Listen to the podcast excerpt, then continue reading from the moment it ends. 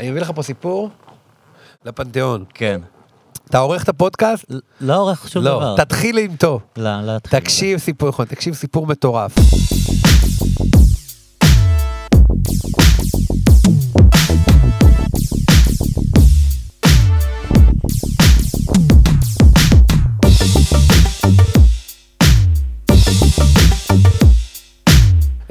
כן. טוב, אתה עורך את זה רק? לא, לא עורך כלום. עמוס, מה העניינים? מה קורה? אני ממש שמח שחזרת. אני מאוד שמח התוכנית לחזור. שלך שברה את הרשת. סתם, במונחים של הפודקאסט שלי, לא במונחים אובייקטיביים. אבל היא. מהמואזנות ביותר ומה... מה- שזכו להכי הרבה פידבקים חיוביים. איזה כיף. לא, לא, לא לפגוע באף תוכנית אחרת, שהרבה תוכניות אה, זכו לפידבקים חיוביים. אני, מאוד מתרגש להיות חלק מהדבר הזה. אחרי שהלכתי, ראיתי מי עוד בא, הרגשתי אדם חשוב. אמרתי, "פש, את מי הוא מביא? כן, אז זהו, אז, אה, אז חשבתי שזה יכול להיות נחמד אם, אה, אם זה יהיה משהו קבוע כזה מדי פעם, שתהיה הדוקטור פיל שלנו כן, בתוכנית. כמו הוא פה ודוקטור פיל. כן. זהו, אנשים יתחילו לשלוח שאלות. אה, אז- תזרקי אז אותו, תכף, תכף כמו נגיע. לשאלות, כי אולי, אולי אנחנו נזה, ישלחו יותר שאלות מאשר למדור שלך בארץ, שראיתי שלא לא שולחים יותר מדי, או שאין לך כוח לענות. למה? שולחים, פשוט לוקח לי הרבה זמן לכתוב. או שהשאלות לא מספיק מעניינות? השאלות הן... דווקא מעניינות, הבעיה שצריך תשוב... קשה להביא תשובות. צריך להביא תשובות אינטליגנטיות, אתה יודע. כן, שהן גם אה, מעניינות, כאילו, שהן לא... הבעיה בלכתוב את המדור הזה, שאתה צריך תשובות באורך הנכון. יש המון שאלות שהתשובה היא כזה, אתה יודע, שתי שורות, כאילו, לא, כזה. כן. או, זה נראה לי רעיון טוב, ומה אם תעשה את זה. תעשה באותו והפוך. מדור שתי שאלות לא חשבתי על זה? אף פעם. אה, אתה רואה? כן, אבל אני כאילו רוצה לחפור על איזה רעיונות, וזה, זה... אילוצי הפורמט. בדיוק. דווקא באות שאלות יפות, האמת. הפתיע אותי, חשבתי שבחיים לא יבואו, ובאו, באו... אז בוא נדבר לא על רע. אה, השאלה האחרונה שראיתי שמאוד אה, עניינה אותי. איזה? או לפחות היה נראה לי נושא מעניין. הבחורה הזאת שדיברה על זה שיש לה איזה פיקסציה או. לכסף, שיש לה איזה אה, קיבעון. זה האחרונה שראית? בוא'נה, אתה לא קורא את אז המדור. אולי החיפוש בארץ לא עובד. אה. אני- אני נכנס אה, לפני כל פעם שאנחנו נפגשים, כל יא, פעם. הלאה. לפני הפעם הזאת והקודמת ל- לארץ, ועושה search. אז בגלל זה אתה חושב. מה, אה, אני אז כותב יש מלא. הרבה? ברור. אז עשיתי תחקיר כושל? האחרונה זה מישהי שאמרה שדווקא מאוד מרגשת. שאמרה שיש לה יחסים קשים עם אימא שלה, ואיך היא לא, והיא מרגישה שזה מתחיל להשתחזר עם הבת שלה, ואיך לעצור את השרשרת. איך? אה, סליחה, תקרא ב- במדור, אתה. רוצה, לא, אבל בוא נגיד, אתה רוצה לדבר על אני הכסף? רוצה לשאול על השאלה שאני בדיוק, דיברתי בוא עליה. נדבר כן. על הכסף. על הכסף. איפה אתה? show me the money. בדיוק. אז באמת הייתה מישהי ש... אה, אני אתן קונטקסט למי שלא הקשיב לשיחה הקודמת שלנו. אה, לעמוס יש אה, שני בלוגים בארץ.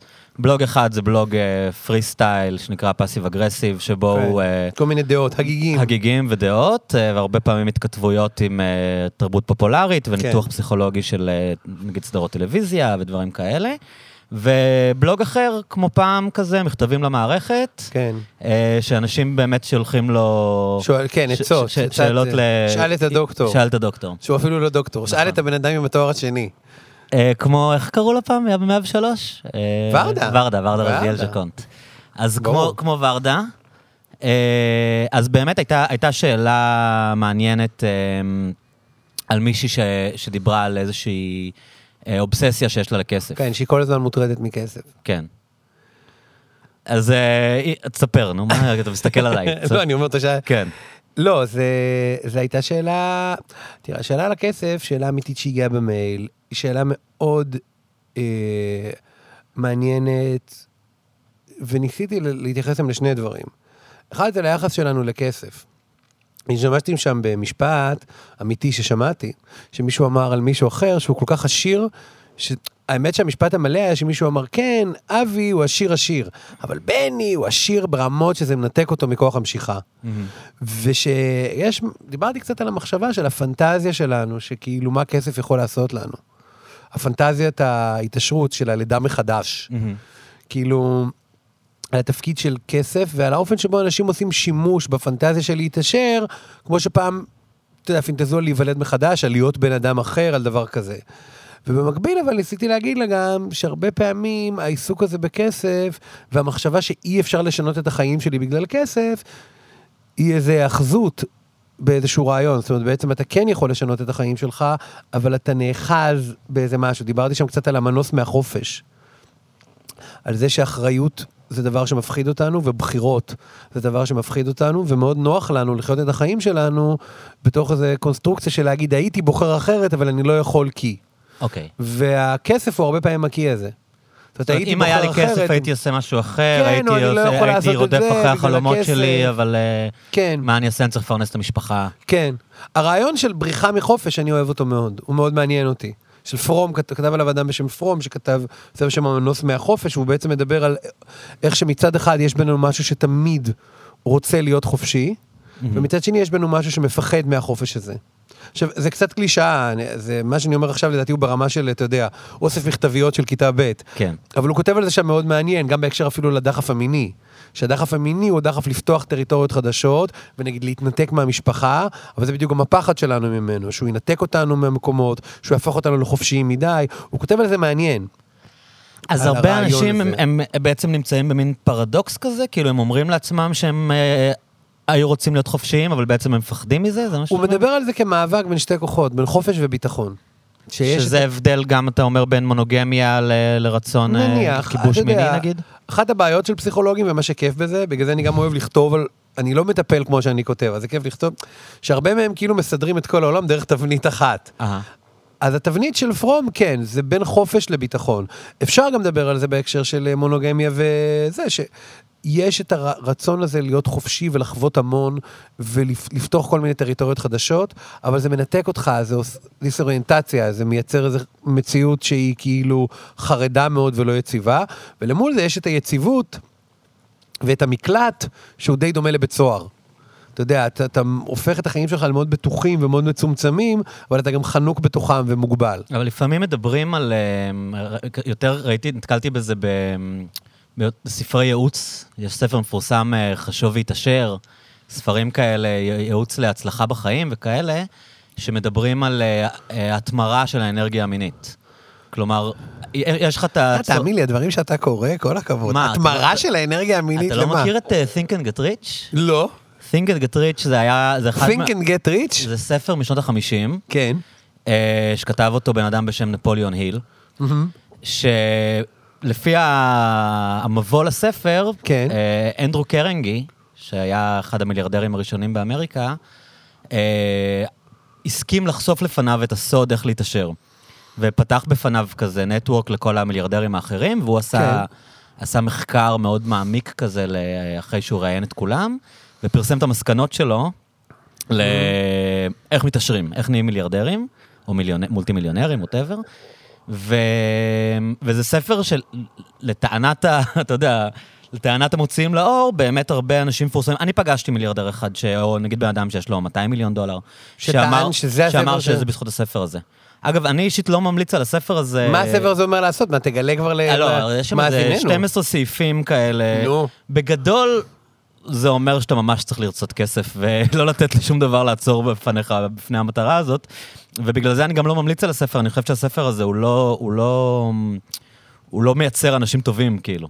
אבל, אה, אבל אה, אני, אני אישית נחשפתי לספר דרך בן אדם שבאמת התעשר מלקרוא אותו. לא אה. זה ספר מאוד מפורסם. אתה מכיר את כן. התיאוריה על הפרוטסטנטיות והדת, כן. של כאילו- דורקהיים. לא, לא, הרפורמה הפרוטסטנטית, אני קונט, חושב, אה, לא נכון, זוכר של בדיוק. ובר, אה, לא- אה, יכול להיות מקס ובר, כן, כן. ש- על הרעיון שהכסף קיבל כן. משמעות דתית באמריקה. כן, כן, זה כן. תמיד שאלה אם נחפור בזה עכשיו או לא, אבל בגדול, אתה יודע, זה אומר שברגע שה... בגדול, מה שקרה זה שהדת הקתולית, הפרוט- כן, הקתולית כן. הייתה אומרת שהעולם קיים בשתי מציאויות. יש את המציאות של היום-יום, שהיא לא שווה כלום, זאת אומרת, מה שאנחנו אוכלים ושותים, ויש את המציאות השקופה, שיש כל מיני מלאכים, ויש את האפיפיור שהוא השער אליה. זאת אומרת, כל הזמן מאח... מתחת, מאחורי הקלעים, יש איזו מציאות מיסטית, דתית, רוחנית, שהיא המציאות החשובה. והמתווכים למציאות הרוחנית הזאת, שהיו גוזרים דמי תיווך, היו הכמרים. כן. אז היה, היו מוכרים כתבי חנינה, ו, זאת אומרת, והמחשבה הייתה שמה שקורה במציאות המעשית, הפרקטית, זה לא הדבר החשוב, אלא הדבר החשוב זה כאילו היחסים שלך עם המציאות הרוחנית. וה- והחיים אחרי המוות בעצם. ברור. אתה שזה- חי בשביל להגיע למלכות שזה השמיים כשתמות. שזה הנצח. כן. ואז, כשהתחילה הפרוטסטנטיות, היא הייתה בעצם מרד נגד בהתחלה כל המערך הזה של הכמורה, ואחד הדברים הכי יפים, זה בכלל מעניין לחשוב איך קורה ההפך, אפרופו הפחד מחופש. כן. שהפרוטסטנטיות התחילה והיא אמרה, הרעיון של הכמרים ואלה זה לא דבר מעניין בכלל. אין לכמרים או לאפיפיור שום גישה לאלוהים. מה שחשוב זה כל אחד והאלוהים הפרטי שלו, ו... או יותר, במובן אפילו יותר קדום, אה, יש איזושהי מציאות מיסטית שאנחנו לא יכולים להבין אותה.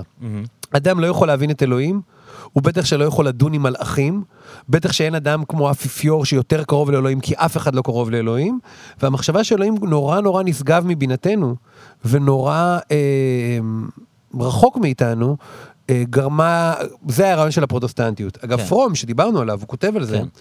הוא אומר, ש...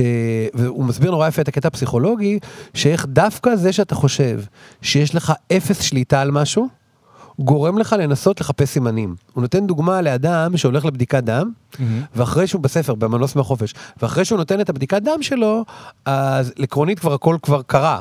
אבל אז הוא מתחיל לחשוב, רגע, אני אכנס למדרגות בר, ברגל ימין, או רגע, אני אחנה, או רגע, אני אקפל את הנייר בצורה מסוימת. מין כזה אמונות טפלות. כי פרום אומר, ברגע שדבר לא בשליטתנו, אנחנו מתחילים עם אמונות טפלות. והתהליך, גם- פרום גם כותב על זה, שהוא אומר, שברגע שהתחילו באמריקה, הפרוטסטנטית, להגיד, אנחנו לא מבינים את אלוהים, הכמרים לא מבינים את אלוהים, אין מה לעשות וידוי, אין כלום, אין לאלוהים אף נציג עלי אדמות, והוא נשגב לגמרי מבינתנו, אז הם התחילו לחפש סימנים, ואחד הסימנים היה הצלחה בעולם הזה. נכון, זה מה שמדבר על, אני חושב שזה, זה מה שמדברים על הפרי-דטרמינציה ב- כן.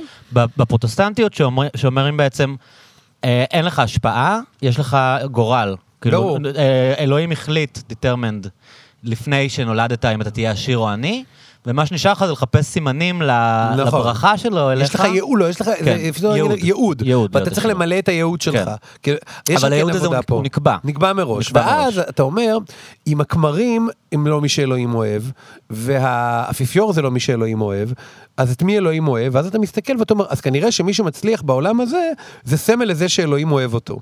וזאת התיאוריה שבעצם איך השירים הפכו להיות קדושים באמריקה. ויש אה, סדרה מאוד מעניינת בנטפליקס, אני לא יודע אם ראית, שנקראת, אה, אני חושב, המשפחה. לא, לא ראיתי. אה, שהיא בדיוק על זה, על איזה אמ, כומר שמפעיל מין אגודה סודית למחצה, אה, ש... שמסמנת את האנשים האלה שכאילו אלוהים אוהב אותם, שזה הרבה פעמים אה, מיליארד... מיליונרים ופוליטיקאים. כן, כאילו. ופוליטיקאים, והם בעצם משרתים אותם, כי הם אומרים, אלה האנשים ש... שאלוהים בחר בהם. אנשים שהם לאו דווקא, אתה יודע, הם יכולים להיות אנשים לא רוחניים בכלל ולא כן, מוסריים בכלל, כן. אבל אלוהים סימן אותם, והכת הזאת, או האגודה הזאת, בעצם צברה כוח עצום, כי הם כל הזמן אה, התקרבו לאנשים לעשירים. האלה, כן. אבל זה מאוד מעניין. א', זו סדרה מגניבה, נשמעת, לא יודע, אני מחפש מה לראות, אז אני אז ארשום תראה אחר. כך. אין מה לראות כלום. נראה לי זה נקרא The Family בנטפליקס. אבל זה, אז מה שאתה מספר זה מצחיק, לא קראתי הספר, אבל אתה יודע, זה מתחיל ללכת לאיש עשיר ולשאול אותו את סודותיו. עכשיו, הדבר המצחיק באמריקה, זה שאתה הולך לאיש עשיר שהתעשר נגיד ממכירת חמוצים, אז הוא לא יגיד לך איך לעשות חמוצים. הוא ייתן לך איזה משנה רוחנית בשקל, אני נכון. התעשרתי כי תמיד האמנתי בחמוצים כן. שלי וזה. ואז אתה כאילו, כי גם העשירים כבר נכנסו לתפקיד. והרעיון הזה שהעשירים הם אנשים קדושים, שצריך לחפש מהם הכוונה, הוא רעיון מפגר בעיניי. כן. אתה יודע. אבל באמת כולם רוצים, אה, בדיוק דיברתי עם ירון, אגב, ירון כאן מחליף את אילון, על הסדרה של ביל גייטס עכשיו בנטפליקס. כן, גם את זה לא ראיתי. אוקיי. יאללה, אבל זה... אני לא שזה באמת מין, אה, ניסיון לצייר אותו כמין קדוש, שנועד ל- להיות האיש הכי עשיר אה, בעולם. זה הכי דמויות, כאילו, גם במראה שחורה עשו את הדמות של צוקרברג, אתה יודע, הם הכי כאילו, הם הכי douchebags, כזה אדם נוימנים פלוס פלוס, כן. והם הכי כזה קדושים, אה, זקרברג וזה. יש את הפרק של סאוט פארק, אתה יודע, אה. עם זקרברג, ראית את זה? אוי. קודם כל אני רוצה להגיד משהו על סאוט פארק, אם מדברים על סדרות, כן. אני חושב שזה לא פייר. שהתרגלנו לכמה שהיא גאונית. בדיוק היה את הקטע שלהם עם הסינים, אתה. יודע, עם כן, ההתנצלות. כן, ועכשיו העונות הראשונות, עד 21 יהיו בנטפליקס. תספר רגע מה היה עם סין. סאוט פארק עשו פרק על סין. בוא נת- נתחיל מזה שככה, הם עשו פרק על סין, שצוחק נורא על איך. כל התעשיית הבידור האמריקאית עורכת את היצירות שלהם נכון. כדי להתאים לקטע הסיני. ועכשיו בדיוק טרנטינו אמר שהוא לא מסכים לעשות את זה בסרט שלו. הם כולם, הם כולם. אבל אה, למי שלא יודע, הסרטים שאנחנו רואים, כולל הלהיטים הכי גדולים, יש גרסה נוספת לקהל סינית. הסיני, גרסה סינית, שיש בה הרבה פעמים עוד איזה רבע שעה או עשרים דקות של איזה עלילה משנית שהם פתאום מגיעים לבייג'ין, ופתאום יש איזה לא, אבל בהרבה דמות מהם- סינית פשוט כדי להיות יותר appealing לשוק העצום הזה. אבל זה לא רק סין. זה, הרבה מהם גם בגרסה שאנחנו כן רואים, עורכים את התסריט כדי לא לעצבן את הסינים. Mhm. זה מה שקרה עכשיו עם ה-NBA, מי שלא יודע, כן. שההוא של יוסטון רוקטס צייץ, והסינים כאילו מגיבים נורא באלימות. אז זה היה פרק בסאוט פארק, רואים שם את אה, מיקי מאוס, כאילו שמקלל ומעשן, היושב ראש של דיסני, מדבר על איך הוא מתאים את המוצרים שלו לזה הסיני. והם הלכו שם על קטע, לא משנה, ש... אני לא רוצה להרוס את הפרק, אני רוצה שיראו את זה, אבל שיש בקטע בסין שפו הדוב דומה לנשיא נכון, שלהם. לשי, כן. אז אה, פה הדוב הוצא מהחוק. נכון. אז יש בסאוט פארק, רואים את מחנה של אסירים פוליטיים בסין, וגם פה הדוב שם, ופיגלט וזה. אה, פאול... עכשיו, אתה מבין? ואז אתה אומר לעצמך, סאוט פארק, בוא נדבר רגע על החבר'ה האלה, באמת. עצבנו את הסינים, עשו פרק 200 עם מוחמד, עצבנו את האסלאם הקיצוני, נכנסים בטראמפ, והם עדיין, אגב, פי מיליון יותר מצחיקים בעיניי מכל כל הביג מאוף, כל החרא הזה. היה סיפור הם מעניין, נורא מצחיקים היה עדיין. סיפור מעניין שהיה עליהם לחץ ל- להתנצל על הפרק הזה, ואז אה, הם פרסמו את ההתנצלות. התנצלות צח- מצחקה כזאת של אדון צ'י, גם אנחנו מעדיפים כסף על דמוקרטיה, הלוואי שיהיה פלנטיפול הרווסט. לא, לא, הם אז הם, גאונים. הם פרסמו מין התנצלות, שהיא אחד הדברים הכי מצחיקים, את זה אתם יכולים למצוא בשנייה, שהם אומרים שם משפטים כמו, ואנחנו לעולם לא נטען יותר שאתה ממש ממש ממש ממש דומה דומה לפודוב." לפודוב, וכאילו, עזוב, אני אומר, הטענה שלי היא הקשה, אני יכול לדבר על זה שעות וזה חבל, כי זה לא יודע כמה זה מעניין, התרגלנו עליהם. זה שני אנשים גאונים, אתה מפנה אנשים לדברים אחרים, תסתכלו ביוטיוב, אה, שהם מספרים איך הם באו לאוסקר על LSD. יש קטע שהם היו מועמדים לש... לשיר הכי טוב, על בליים קנדה, הם עשו סרט כאילו סאוט פארק מובי. והם הגיעו לאוסקר על LSD בטעות, סוג של בטעות, בשמלות, והם מתארים את זה. שלא לדבר על זה שבאמת, אתה רואה את הפרק על סין, עם כאילו פו הדוב במחנה אסירים פוליטיים, אתה רואה את הפרקים שלהם על רחפנים, הם, הם עדיין מאוד מאוד מדהימים בעיניי. טוב, בוא נחזור רגע כן, איך הגענו. להם? כן.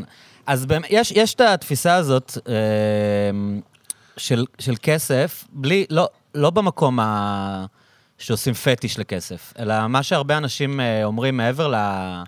למולטי מיליונרים האלה שניתקים מכוח המשיכה, כמו שאמרת, יש את המונח הזה שנקרא באמריקה fuck you money. כלומר, כן. יש לך מספיק כסף כדי שאתה לא צריך אה, to take shit from anyone. אתה יכול כאילו, אתה, אתה לא צריך לעבוד בשביל אף אחד, אתה לא צריך להתחנף לאף אחד, יש לך כן. מספיק כסף ל fuck you נכון. money. זה גם לא רק כזה אלים, כן. אני חושב שבאותה פנייה, למרות שזה טקסט מאוד ישן, תקרא את החדשים, סתם, באותה פנייה זה היה באמת הקטע של... אה, על הפנטזיה של להשתחרר מתלות. כן, ה fuck ה fuck you money הוא קצת, אה, זה מושג קצת אלים מדי, והוא מטשטש איזה מחשבה שאומרת שאם יהיה לך מספיק כסף לא תצטרך שום דבר מאף אחד. נכון. שאגב, זה בכלל משפט שכדאי להגיד עליו מילה, המון אנשים מגדירים איזושהי מטרת חיים בשבילם, להגיע למצב שהם לא צריכים שום דבר מאף אחד. כן. החל מ, אתה יודע, רווקים שאומרים, אני לא, אני לא צריך כלום מאף אחד רגשית וגם כלכלית. עצמאות בעצם. כן, כשהרעיון הוא, אה, מה שאני כתבתי ומה שאני מאמין בו, זה שהתלות שלנו באחרים, כבני אדם, התלות שלנו בבני אדם אחרים, היא כוח בלתי נמנע. אנחנו תמיד נצטרך המון דברים מהמון אנשים. ולכן הפנטזיה הזאת שכסף יביא אותנו למצב שלא נצטרך כלום מאף אחד, היא קצת כמו הפנטזיה שהוא ינתק אותנו מכוח המשיכה או יעשה אותנו יפים. יש הבדל בין שיקולים כלכליים פרקטיים לבין אנשים שבחרדה אוגרים כסף כי להגיד אם יקרה משהו אז אני לא אצטרך כלום. כי תמיד אם קורה משהו אתה כן צריך משהו. וזה לא אידיאל נכון וזה קצת לחיות מתחבר לפי החיים. לגישה הליברטריאנית באמריקה אולי, של אה, שלה לפרוש מהחברה, של... אה, אני לא יודע, אני חושב שזה משהו אחר. כאילו, אנחנו לא רוצים מהחברה כלום, אנחנו יכולים להסתדר לבד, אנחנו האנשים העשירים כן, המאוחדים. האינדיבידואליזם הקיצוני הזה, אבל הוא תמיד... ופה זה כאילו... אתה יודע, זה אולי מעצבן, אבל זה בכל זאת איזה מוב פסיכולוגי קלאסי, שאתה אומר כאילו... אדם שיותר מדי... אדם שמתעקש לא להצטרך יותר מדי, זה כי הוא מפחד מכמה שהוא מרגיש שהוא צריך בפנים. כן. אבל ההתעקשות הזאת על עצמאות וההסתגרות הזאת היא... תראה, אני חושב שהליברטניות הזאת היא קשורה גם לאנשים שקצת מעורערים. כי הרבה מאוד אנשים שמאוד קשה להם, אחד, הפתרון, אחד הפתרונות הכי גרועים, אבל הכי יעילים להתמודד עם אי יציבות רגשית, זה לצמצם את החיים שלך. לא, זה אחד הדרכים אה, באמת להתמודד עם הדבר הזה. אה, עם איזה אי שקט, זה לצמצם את החיים שלך למשהו נורא נורא קטן ולא מאתגר. ואז אתה כאילו יכול להגיד לעצמך, אמ, שום דבר לא יזיז אותי, אבל זה פתרון לא טוב. כי בסופו של דבר אתה מונע מעצמך הרבה מאוד חוויות, רק בשביל להרגיש שאתה יותר יציב ופחות תלוי. אותו דבר עם כסף, אותו דבר עם כל עמדה שמפחדת מהתלות. אנשים מאוד מפחדים להיות תלויים, תדע לך. כן. לא רק בבני אדם. כל בן אדם, מ-SSR, מציפרלקס ועד זה. אז מה כאילו, הגישה, אני לא רוצה להיות תלוי בזה. מה הגישה הנכונה שאתה מה זה, לא ממליץ נכונה, אבל אנחנו בכל מקרה תלויים בדברים. כן. אבל מה, היחס בריא לכסף? איך, אנשים כן אה, צריכים, אה, נגיד, אם אתה היית מטפל באישה כזאת. אה, טוב, זאת מה, ש- מה, האיזון הנכון, כאילו, בין זה שוואלה, צריך לתת- כסף לתת בחיים? אותו לפסיכולוג פעם בשבוע, סתם. מה היחס בריא לכסף? לא, הקטע הוא ש... גם כשאני מטפל וגם כשאני עונה לשאלות, זה אולי הדבר היחיד שמשותף, זה אתה לא באמת עונה לשאלה, אתה רק מרחיב אותה לנקודות חדשות. כשאתה מטפל באישה כזאת, אתה לא באמת אומר לה מה לעשות עם כסף, אתה רק אומר לה, אוקיי, אז הלחץ הזה מכסף הוא לחץ לא להצטרך כלום, מה את מפחדת שיום אחד תצטרכי? איך היו היחסים שלך עם דמויות שהיית צריכה מהם דברים פעם? מהמם. אה, מה היית... כתבה לי תשובה נורא מרגשת, אני פשוט חושב שאני... לא- אה, היא ענתה לך? ברור, אחרי אני תמיד, כל מי שאני כותב לו, אני שולח לו במייל וזה. Mm. אבל, בלי לחשוף אותו יותר מדי, אני אדבר על הקטע הזה של המוצץ. כן. שאמרתי לה שם בטקסט, על הילדים, אה, על ילדים שמחזיקים מוצצים, יש להם מוצץ אחד בפה ותמיד שתיים ביד ואחד בתיק, שהם נורא מפחדים שיגמר להם. ושהחרדה הזאת, שיקחו לי משהו שאני צריך, היא לא תמיד מאוד רציונלית, והיא יושבת על כל מיני דברים שעליהם אפשר לדבר בטיפול. שזה קשור לקיבעון אוראלי? העניין הזה? לא, אני לא, אל תהיה כזה... כזה קלישאתי? כן, אל תהיה כזה... לא, מה אני מבין, אחי? אני מכיר פחדים, ארבעה לא, מונחים בפסיכולוגיה, אני זורק לא, זורק זה לא כשיש אתה, לי אתה מבין. הרבה, אבל כולם כן. כאילו, הכי כזה... לא אז, הזכרת את, את הליברטריאנים המעו- המעורערים. אתה הזכרת את הליברטי, אני לא, הזכרתי את ואתה אמרת המעוררים. שהם מעורערים. כן, לא, בדיוק, בוא נחלק. שזה קצת... אני אוהב אה. סאוט פארק הם ליברטנים, אני לא אחפור עליהם עוד. אוקיי. הליבר- הליברטניות כתנועה, כן. אני לא מסכים איתה ואני גם לא לא מסכים איתה, יש לי יחסים מורכבים עם זה. עד כמה הממשלה וקבוצות מעורבות לנו בחיים. אבל ליברטריאנית זה בעצם אה, גישה, אה, אפשר להגיד ימנית קיצונית, שאומרת שהמדינה צריכה להצטמצם לכדי מינימום טוטאלי. ימנית אמריקאית, חשוב ימנית להגיד, לא. ימנית ישראלית. כן, לא כאילו. בקטע של... אה, לא בקטע של להרוג את כל- אלא בקטע. של... אה, אלא בקטע של... המדינה צריכה, צריך לצמצם את המעורבות הממשלתית לכדי מינימום, כן. ולמדינה אין שום תפקיד כמעט, תלוי באיזה גרסה של. ליברטריאניות, אבל, אבל אה, בטח לא במה שקשור לחינוך, לבריאות. לא בדיוק, זה לא לרווחה. בדיוק, זה לא אוקיי. בדיוק. אני הייתי אומר שהליברטניות היא, היא אומרת שהרבה דברים שהמדינה עושה, השוק החופשי יכול לעשות יותר טוב, מהמם. ודברים שהשוק החופשי לא יכול לעשות יותר טוב, כמו תשתיות, או חינוך, או רווחה, עדיין צריך ליצור איזושהי מערכת של תגמולים, תמריצים וקפיטליזם, כדי לא להתנוון. זה ליברטניות. אוקיי. אז ליברטניות אומרת בגדול, לא שאני כזה נציג שלה, אבל אני כן חושב שעושים לה עוול, זו תנועה חכמה. אה, אומרת בגדול, אה, הרבה דברים שהמדינה מתערבת בהם, עדיף שלא תתערב. מהמם. תנו לבנקים לקרוס, תנו לבעלי עסקים להציע מחירים טובים, כאילו תראו זה. וזה נכון אגב, הרבה פעמים, אתה יודע, כשאיש פרטי רוצה לבנות צריף, אז הוא בונה צריף ב-100 שקל, וכשמשרד ממשלתי רוצה לבנות צריף, אז יש לו כל כך הרבה שחיתויות וקבלני משנה וחברות ייעוץ שהוא בונה אותו בפי 10. כן. אז ליברטנים אומרים, תנו לשוק הפרטי לעשות הרבה דברים, ואיפה שהשוק הפרטי לא יכול לדאוג, אה, בריאות, רווחה, עזרה למסכנים, עדיין תיצרו מערכת של תמריצים, כמו למשל שוברים בחינוך. עדיין תיצור דינמיקה של שוק פרטי, נגיד שספקים, שהמדינה בוחרת בין ספקים, כדי בכל זאת לייעל את המערכת. כן. ליברטניות זה מנוע מאוד חזקה בשוק הפרטי, כי בקפיטליזם וכל מיני דברים אוקיי, האלה. אז אני, אז אני מ- מ- קושר את זה למשהו שאולי לא קשור. אה, ב- בבלוג שלך, אהה. בפסיב אגרסיב, כן, אה, דיברת על הסדרה הנערים. כן, סדרה טובה. לא ראיתי אותה עדיין, אני יודע שכל מי שראה אותה חושב שהיא טובה. כן, אה. הסדרה, למי שלא יודע, מדבר על, ה... על המקרה של הנערים היהודים שנחטפו. שרצחו את הבוכדר. לא, לא שנחטפו. שנרצחו. זה הייתה, זה אגב, אתה סליחה, יודע, שמה כן, שאתה אומר עכשיו זה מצחיק. כן, בוא אני אתן לך מידע פנימי. כן.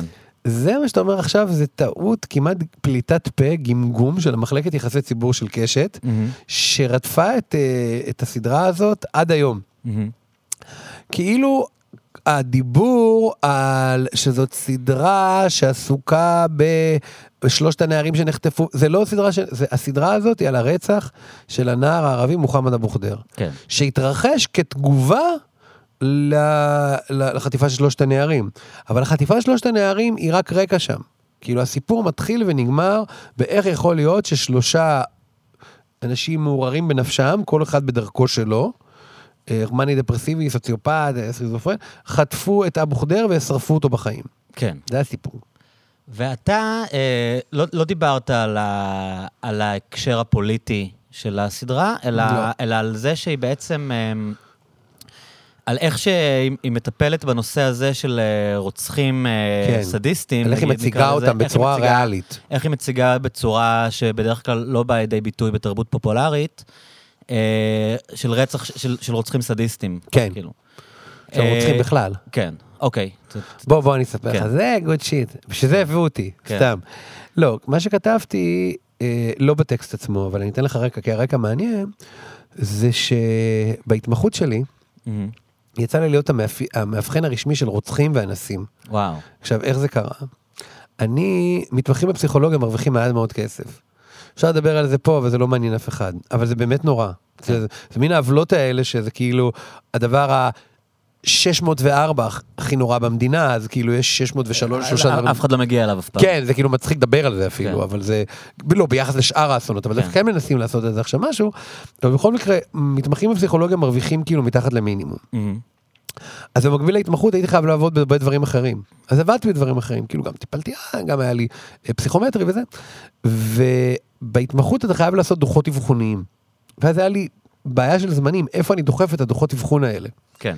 ובמקביל, כיוון שפסיכולוגיה הוא מקצוע שיש בו הרבה נשים, אה, שתי הנסיבות האלה הביאו לכך שכל פעם שהיה מגיע למכון שעבדתי בו, שהיה לו הסכם עם הסנגוריה הציבורית, תעשו אבחון פסיכולוגי לקראת משפט לאיש הזה שרצח את אשתו, והוא רצח את הילד שלו, או אנס את האיש איתו בחדר. אני הייתי- שהמטרה היא להשיג הגנה של אי שפיות כן, בעצם? כן. אוקיי. אז הייתי לוקח אותו.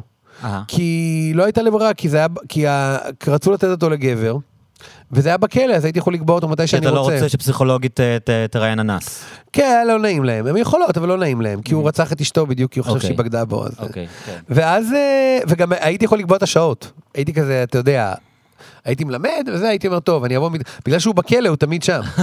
אתה מתקשר כמו, אתה מזמין את הבן אדם כמו פיצה, הוא אומר לך, מתי אתה כן. רוצה אותו? כן. ואז יצא לי להיות כמה פעמים בבתי כלא, לעשות אבחונים לאנשים האלה, כן. לרוצחים. בבתי כלא שונים? כאילו אתה כן. מטייל ברחבי אה, כן, לא נראה, לא יודע, בתי הכלייה בארץ? כל הנושא הזה ממלא אותי פרנויה, אז אני לא יודע אם אני? יכול אפילו להגיד אה, לך. לא, ו- לא, שישמעו, אתה יודע, הלוואי שישמעו אבל כאילו, מה מותר לי להגיד? אני- ברור שאסור להגיד מי אלה היו. למה? אבל, למה? כי זה סודיות, מה, כן? אתה יודע. אה, מבחינת חיסיון מקצועי רציני, כאילו. כן. חיסיון מקצועי, אה, אוקיי. באתי עם חולצה לא, לא, מכופתרת, בסדר, סליחה, לא, לא הבנתי. אז לא. אז אני לא יודע מה, כן. אבל זה, זה, זה היה בכמה בתי כלא, אהה. והייתי יושב איתם, עכשיו זה מצחיק, אין חדרים לאבחון פסיכולוגי, רק כל מיני קליניקות רפואיות שהיו תפוסות, הייתי יושב איתם בחדר. אותו מקום שכשמישהו נפצע או נדקר לוקחים אה, אותו? הייתי יושב איתם בחדר בסבבה, כאילו על שולחן, אוקיי. ועושה להם את האבחונים. ומה שמעניין, אתה יודע, בפעם הראשונה שנסעתי לשם, ברור שאתה הכי מדמיין כזה חניבל לקטר. כן. אתה יודע, איזה הכבשים. איש כזה, כן, כי אתה אומר, שיושב עם איזה, מעבר ל-. מעבר לזכוכית כזה. אם קיאנתי. כן. הוא אומר לך, למה רצחתי אותה? בגלל אהבה. אתה יודע מה זה אהבה? אתה יודע, כזה אחד כזה, כן. מתוחכם, כי אתה אומר, רצח זה אקט כל כך לא שגרתי, אז כן, אולי יש שם כאילו איזה כולנו תובנות. אוהבים בתדמית הרוצח הפסיכופת שהוא בעצם מין בן אדם, כן. באמת אה, שתיקת הכבשים עשתה עבודה מדהימה על זה. אפרופו מה שאמרת גם, שדיברנו בהתחלה, על תלות. כאילו, הרוצח הוא אדם שחופשי מתלות, אינדיבידואל קיצוני אהה. כזה, שהוא עומד על הצוק לבד, משקיף על האנושות ובז לה, ואז הוא כאילו כן. נותן לך איזה פרספקטיבה. עכשיו, בפועל, רוצחים, שזה אגב, אתה יודע, עוד בחטא ועונשו, כאילו יש את כן. העניין הפילוסופי של בטח. לרצוח כדי להשתחרר מהכבלים של ה... ברור, כן. בדיוק, זה מאוד מאוד רומנטי. כן. עכשיו, בפועל, הרוצחים הם הערסים. באמת, בפועל זה נשמע קצת קלישאה, וזה נכון, הם רוצחים כי הם לא יודעים לדבר. זאת אומרת, הם, הם, הרבה מהם עושים אקטים אלימים, כי אין להם את היכולת לבטא את הכעס שלהם באופן אחר. אתה גם רואה את זה כשאתה עושה להם אבחון. הם אגב, האבחונים שלהם, הם, הם, הם, הם, הם פחות אלימים מהאבחונים שלך. אז היית אומר שזה, הפרופיל הוא דווקא בן אדם נגיד עם איי-קיו נמוך מהממוצע. לא, א', לא, אה, תראה, אני אגיד לך מה, בוא נגיד, בוא נגיד האמת, בגלל שהייתי מתמחה, אז קיבלתי דרך הסנגוריה הציבורית, אז קיבלתי אנשים שאין להם כסף, יכול להיות שהאיי-קיו Mm. שלהם זה, זה לא, אבל בטוח יש שם איזושהי מוגבלות, כי תמיד יש איזה חוסר יכולת לעשות את זה בצורה אחרת. רצח הוא פתרון רע מאוד להרבה בעיות, ואנשים שבוחרים אותו פשוט לא יכולים לחשוב על משהו אחר. אבל גם כשאתה מדבר איתם, אתה מזהה איזה, אתה יודע, אני אתן לך לעשות אבחון פסיכולוגי, אני בטוח שהדמיון שלך יעוף. אתה תגיד לי, שני אנשים מנסרים מישהו וסלאש מגאנז אנד רוזס מנגן ברקע. שם יש בדיוק ההפך.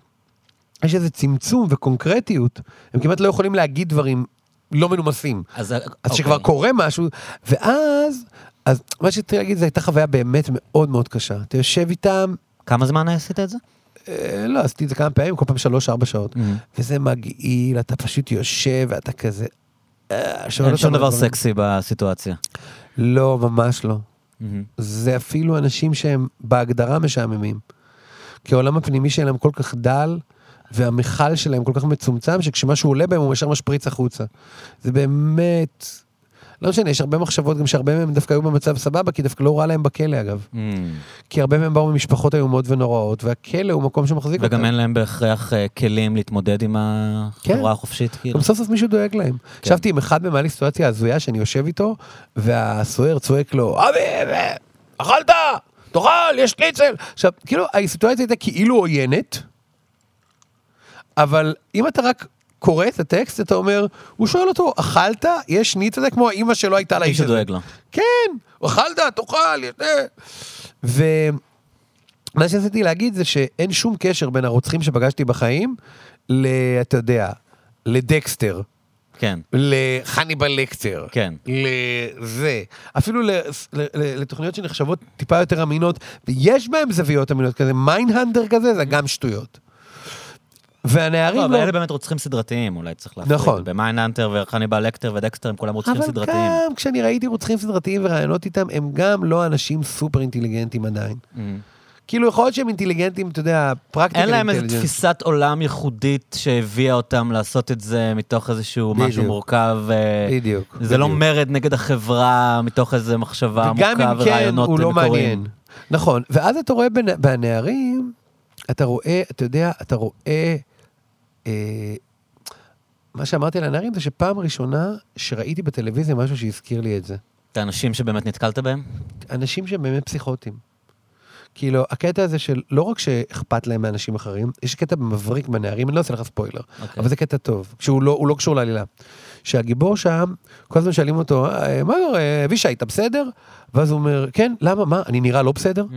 הוא כל הזמן כאילו מפחד שרואים עליו משהו. בניגוד לחניבל לקטר שהוא מלא ביטחון עצמי והוא כאילו, אתה כן, יודע, לא אף אחד רק- בכלל לא יעז לשאול אותו שאלה כזאת. ברור, הרצח, זה לא העניין, לא, לא רק זה, אכפת לו מאוד מה חושבים עליו.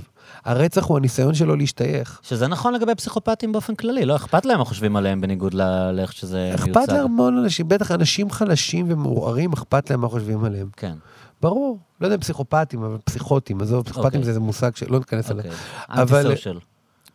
כן, הרבה מהאנטי סושיאל זה לא באמת אנטי סושיאל, זה באמת אנשים שהחברה הייתה אנטי אליהם, סושיאל אנטי. כן. והקטע הזה של לחפש להשתייך, האופן שבו הם לוקחים איש, בגלל שהם כל כך פגיעים ורגישים, איך הם לוקחים אישי עוולות קבוצתיות. תראה את כל הרוצחים הסדרתיים באירופה, שכאילו שונאים את המהגרים וזה. כן.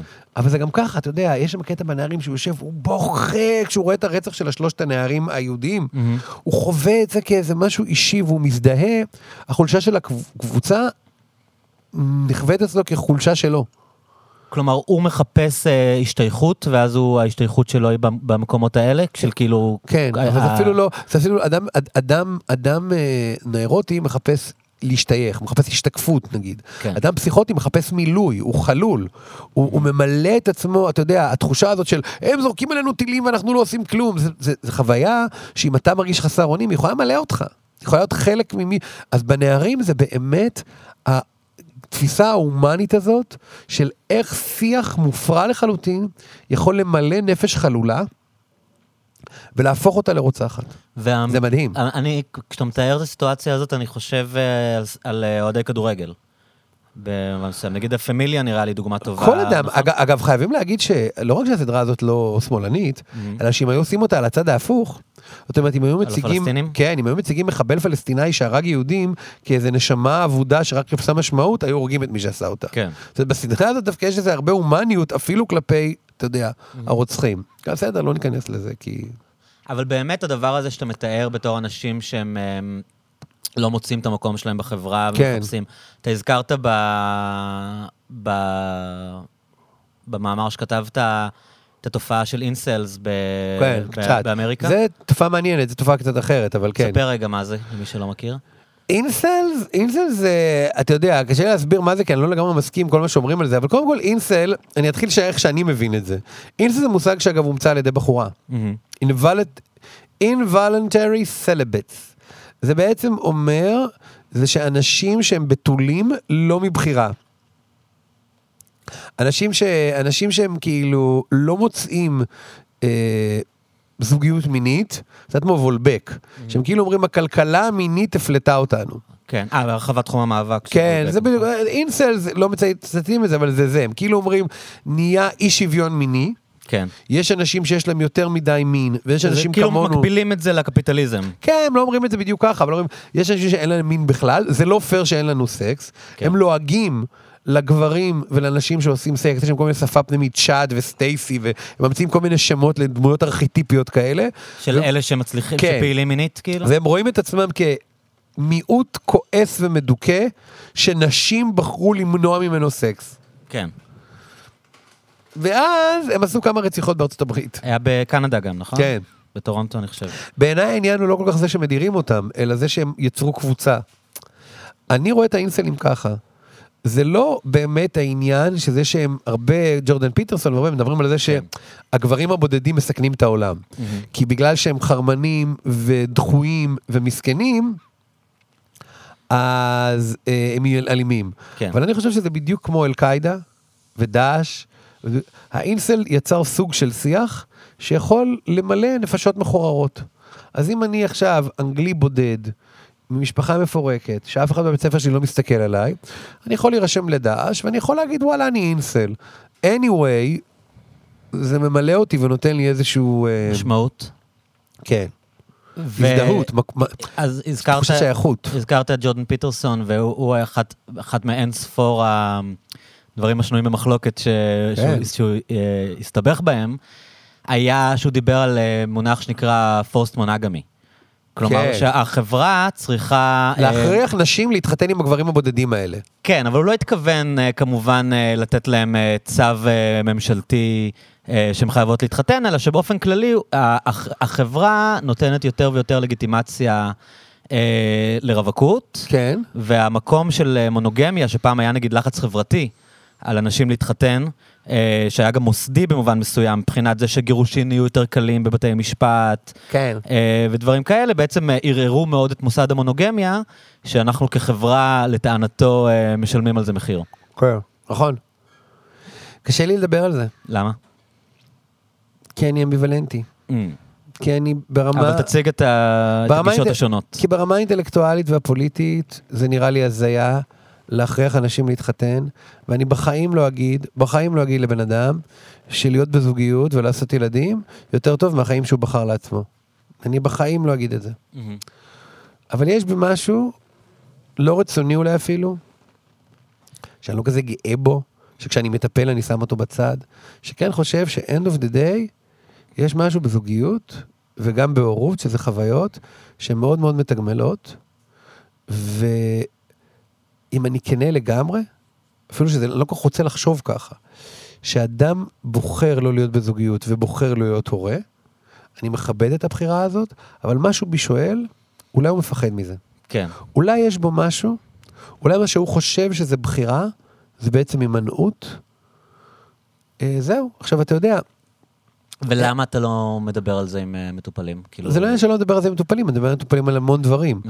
אבל זה מוסבך להגיד את זה, אני גם מכבד את ההימנעות הזאת, אני באמת חושב שיש אנשים שהחוויות שהם חוו במשפחות מוצא שלהם, ומי שהם היום, יגרמו להם להיות אומללים בנישואים ובילדים. להגיד, זה קשה לי מדי, זה כואב לי מדי. אני לא רוצה להיכנס לעולם הזה, יש לי חברים טובים מאוד כאלה. כן. אה, זה נראית לי בחירה לגיטימית, מוצדקת במובנים מסוימים. אבל- אוקיי? אבל לצד זה, כן. לצד זה, בגלל זה אני, זה מאוד קשה לי לדבר על זה, כי זו בחירה מוצדקת, ואני יכול לדמיין לגמרי טיפול שבן אדם בא אליי, והטיפול מסתיים בזה שהוא מחליט לא להביא ילדים בעולם, ושנינו שלמים לחלוטין עם ההחלטה הזאת. ומצד שני, זה כן דבר שצריך לבדוק, כי בעיניי, הרבה פעמים, אנשים שטוענים שהם לא רוצים את זה מאחורי איזו אידיאולוגיה, מפחדים מזה, וזה כן דבר שיכול להיות להם טוב. עכשיו, בטיפול, זה קל, כי בטיפול אפשר לבדוק את זה באמת. ברמה החברתית זה יותר קשה, כי אני יכול להגיד לך, כלומר, יותר קל לך לדבר עם בן אדם ברמה האינדיבידואלית, מאשר לתת איזו הצהרה כללית. נכון, כי אני חושב שהלחץ שיש בישראל על זוגיות ומשפחה וילדים, מצד אחד הוא מסריח, התחושה הזאת שחייבים להתחתן בישראל וזה. יש יותר לחץ מבחברות. מערביות? תראה, אירופה ואמריקה זה הכל מה, ילודות גיל הנישואין שליליות. יותר מוקדם כאן? גם גיל הנישואים יותר מוקדם, וגם רווקות נחשב- נחשבת פה תפיסה לא לגיטימית. אנשים מדברים על רווקים כאילו זה מצורעים. כזה, מתי תתחתן? אה, אתה יודע זה. אז כאילו יש משהו יותר משחרר ונחמד בארצות הברית וב... בטח בסקנדינביה. ברור. כן. אבל הנה אנחנו חוזרים למה שדיברנו על חופש וביטחון. יש משהו מאוד מאוד חופשי בלא להכריח בן אדם איך לחיות. אבל זה גם אובדן דרך. כאילו אתה אומר, באיזושהי דרגה החופש נהיה בלבול. עכשיו אתה רוצה להסביר לבן אדם מה זה משפחה. ואז אתה אומר לו, ואני רוצה לכלול בפנים כל מיני סוגים של משפחה. ואני רוצה לכלול בפנים גם משפחה יחידנית. גם רווקים, יש נורא אופנה כזאת בסקנדינביה, שגם רווק, אתה יכול להיות משפחה של אחד. יש ביפן אנשים שמתחתנים עם עצמם. כן, כאילו. אבל אז אתה אומר, אם, אה, אני גם משפחה, למרות שאין לי אף אחד כן, אחר. אם אני. בא לילד. ואני אומר לו, משפחה זה יכול להיות אבא ואימא, או אבא ואבא, או אימא ואימא, או בן אדם לבד. הוא גם משפחה. כן. אז אה, משפחה זה אהבה, אבל אתה יכול לאהוב גם רק את עצמך, אז מתישהו לא אמרת לו כלום. כאילו, הוא פשוט אומר, אוקיי, אז למילה הזאת אין משמעות. עכשיו, זה מורכב, כי אתה צריך איזה מתח. אתה צריך להגיד, זה משפחה, אבל זה יכול להיות גם ככה, וגם ככה, וגם ככה. וזה דבר שמאוד מטריד אותי, באמת. כאדם, אני לא חושב, צריך מאוד להיזהר. אני אתן לך טיפ. כן, בחיים בכלל, אבל בעיקר כשאתה פסיכולוג. כן. אתה צריך להיזהר מלא להעליב אנשים. מהמם. כי כאילו אנשים חושבים, לא בצדק, שאתה יודע מה נורמלי ומה לא. כשאתה פסיכולוג. כן, אתה אה. מבין? אם בן אדם אומר משהו, "אה, ילד צריך שיקנו לו כדור. אז סתם אידיוט, למי אכפת? אבל אם פסיכולוג אומר את זה, או וואו, רגע, אז אנשים גם, יש לך סמכות. הם גם מקשיבים לך וגם שונאים אותך. למה מי אתה שתגיד שאני לא בסדר שאני לא קונה לילד שלי כדור? כן. ובגלל שזה באמת, ממש לא כדאי להעליב אנשים, כי זה ממש דבר רע לעשות, הוא באמת לא מועיל לאף אחד, אז צריך להיזהר. וגם, אתה באמת לא יכול לדעת. אבל זה לא מדרון חלקלק שאתה לא יכול להגיד דברים שאתה לא, חושב? אני מדבר איתך כשאתה מדבר בפודקאסט אתה כותב, לא בחיים. אה, בטיפול אין לך בעיה לא, להגיד. בטיפול אתה מדבר חופשי, כשאומרים לך בן אדם אמיתי. מהמם. מה פתאום שהוא יעלב ממך, הוא רואה אותך בעיניים. אתה אומר לא, לא. להיזהר מעצות כלליות, כאילו. כן, זה קורה רק בספירות הציבוריות. לא, לא, ברור שאתה מדבר, בטיפול אתה מדבר המון. אבל אה, מה שאני מנסה להגיד על משפחות וילודה וזה, זה מסובך, כי באיזשהו מקום אני חושב שזה נחמד בישראל להתנגד ללחץ הזה. מהמם. יש את הקול שאומר לך, תתחתן, תביא ילדים, אה, ת- ת- תתנרמל. כן. וזה נחמד לגדול תוך כדי מאבק בכוח הזה, להגיד, אני לא חייב X, טוב אני אעשה טוב, אבל אני לא חייב Z. אבל כשהכוח הזה מתבטא לגמרי, כשדיברתי עם חברים שלי נגיד בלונדון, איפה שהדבר הזה לא קיים בכלל, אז זה כבר איכשהו בעיה אחרת. כשאין כשאין את הלחץ הזה. כן, זה כאילו חופשי עד לרמה שזה כבר מתעתע. ומה עם לא אנשים ברור. שבעצם לא רוצים מתוך תגובה ללחץ, מתוך אה, פרינציפ, או מתוך אתם לא תגידו אה, לי, פחות... זה? בסדר, אבל אתה חושב שיש אנשים כאלה? אני לא יודע. גם לא יודע.